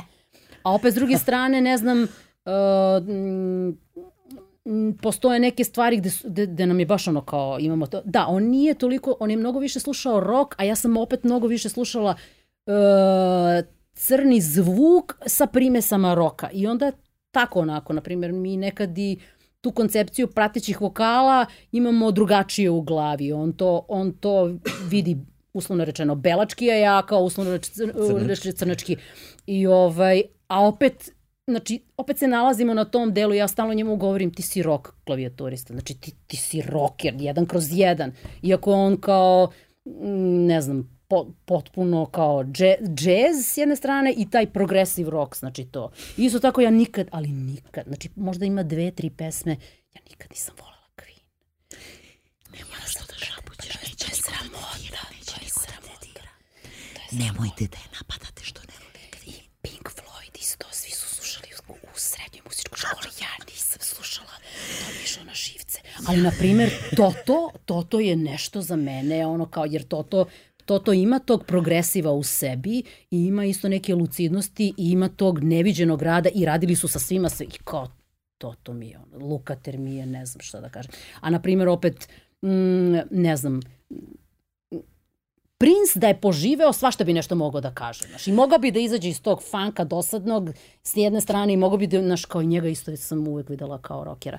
Ali nebitno sad mnogo kenjam na tu temu. U svakom slučaju, ovaj, ja se nekako uvek trudim u autorskim stvarima da iz, uh, svoje da, da isteram, zato što uh, često se dešavalo, onda, onda sam shvatila da moram da naučim, ok, kao krenula sam i da sviram svoje pesme, uh, da ih kockam na klaviru i to sve. I onda sam shvatila, aha, da bih ja objasnila, ja kao pevač, da bih ja objasnila šta ja hoću, na primjer, ovde da imam, uh, ka kakve elemente treba da imam u gitarama, šta treba bas da mi svira i šta treba buben da svira, ja sam onda, kao i ranije ono što sam, sad ja moram da malo uđem u to. I sad često se dešava da mi terminologija onako. I onda sad, i onda sam shvatila, ok, ajde sad da probaš malo da, da radiš malo te aranžmane i da sad ti imaš te kao programe na u kojima možeš sve da, oc, da kao da odsviraš, jer to, to je super. Znači, to je ono što mi se jako dopada u modernoj tehnologiji. Kao, aha, sad ja to mogu sebi da napravim u Logicu, recimo, pošto kao radim na. Makar ovaj, da bi pokazala nekom drugom šta si zamislila. Jeste, jeste. Kao, super, to ću ja da uradim, znaš, I onda je to kao, i onda opet dolazimo do te, do te strane kako pevač, to jest Ica, uh, mora da se milion posto dokaže uh, instrumentalistima, jer za Boga postoji velika neprevaziđena titanijumska barijera i mi se ne razumemo. Razumeš jer naročito mi histerični pevači ne znamo šta hoćemo i ovaj, kako sad to da objasniš kao šta hoćeš, naročito ako si autor, producent i tako na svom albumu, šta ti u stvari hoćeš. I, ovaj, i to je mnogo, mnogo znači, zeznuto. savjet je mladim ljudima koji su uglavnom pevači da nauče i druge stvari, ne u moraju. smislu da moraju da se bave time ne znam koliko, ali činjenica da. treba da znaju, a ne ko ja. Treba. Nemojte ko ja.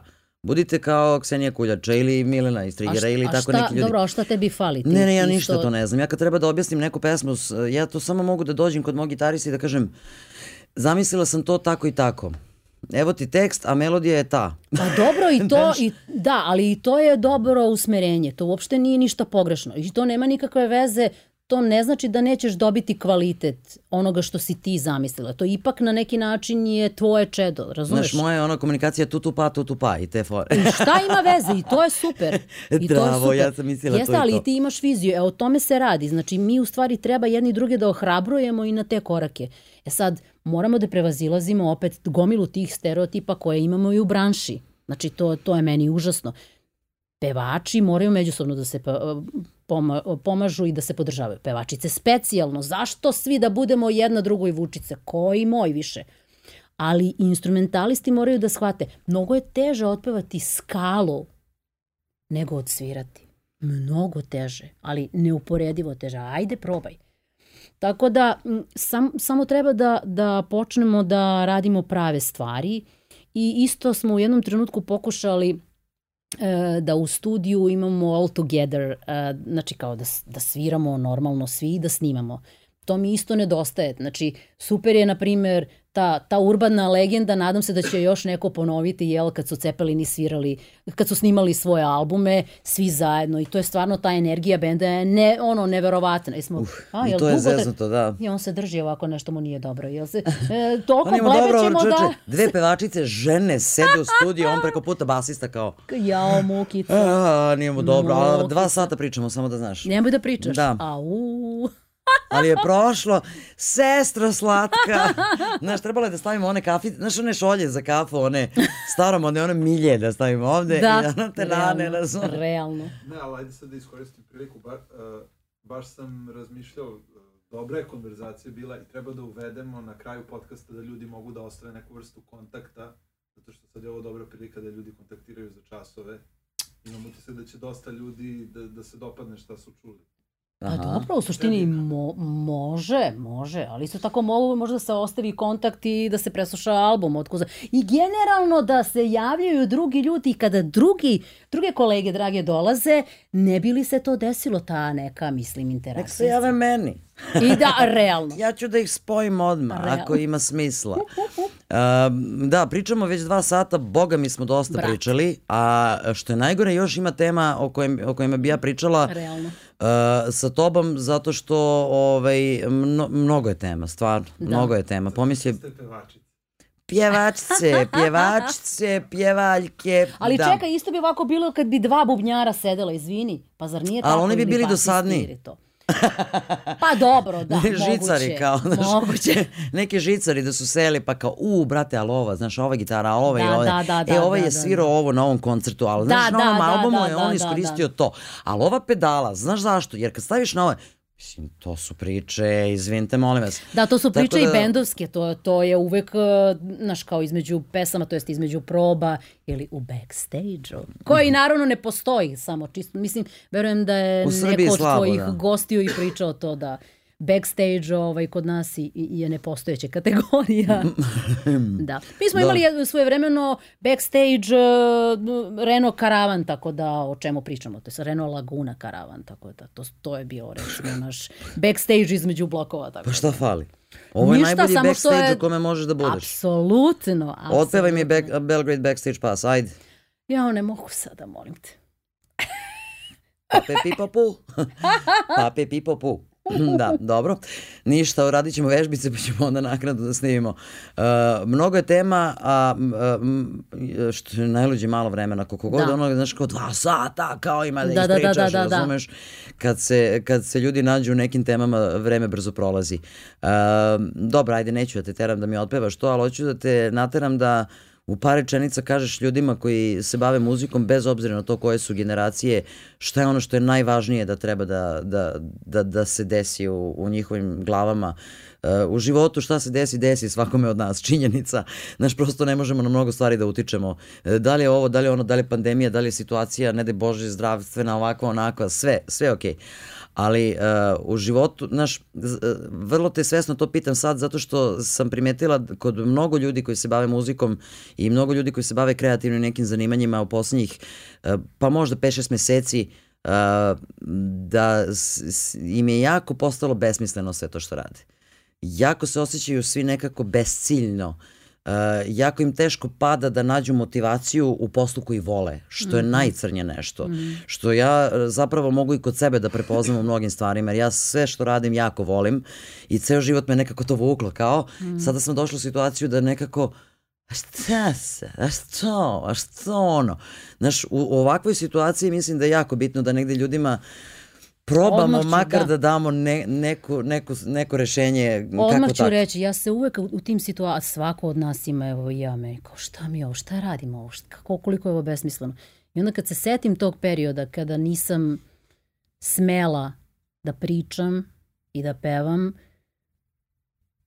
onda shvatim koliko ja volim ovo. I ne da, znači svaka vrsta besmisla staje Znači, da ne dozvolimo toj, toj unutrašnjoj ljubavi da prema muzici da, da nas e, svakodnevnica sagori u tome.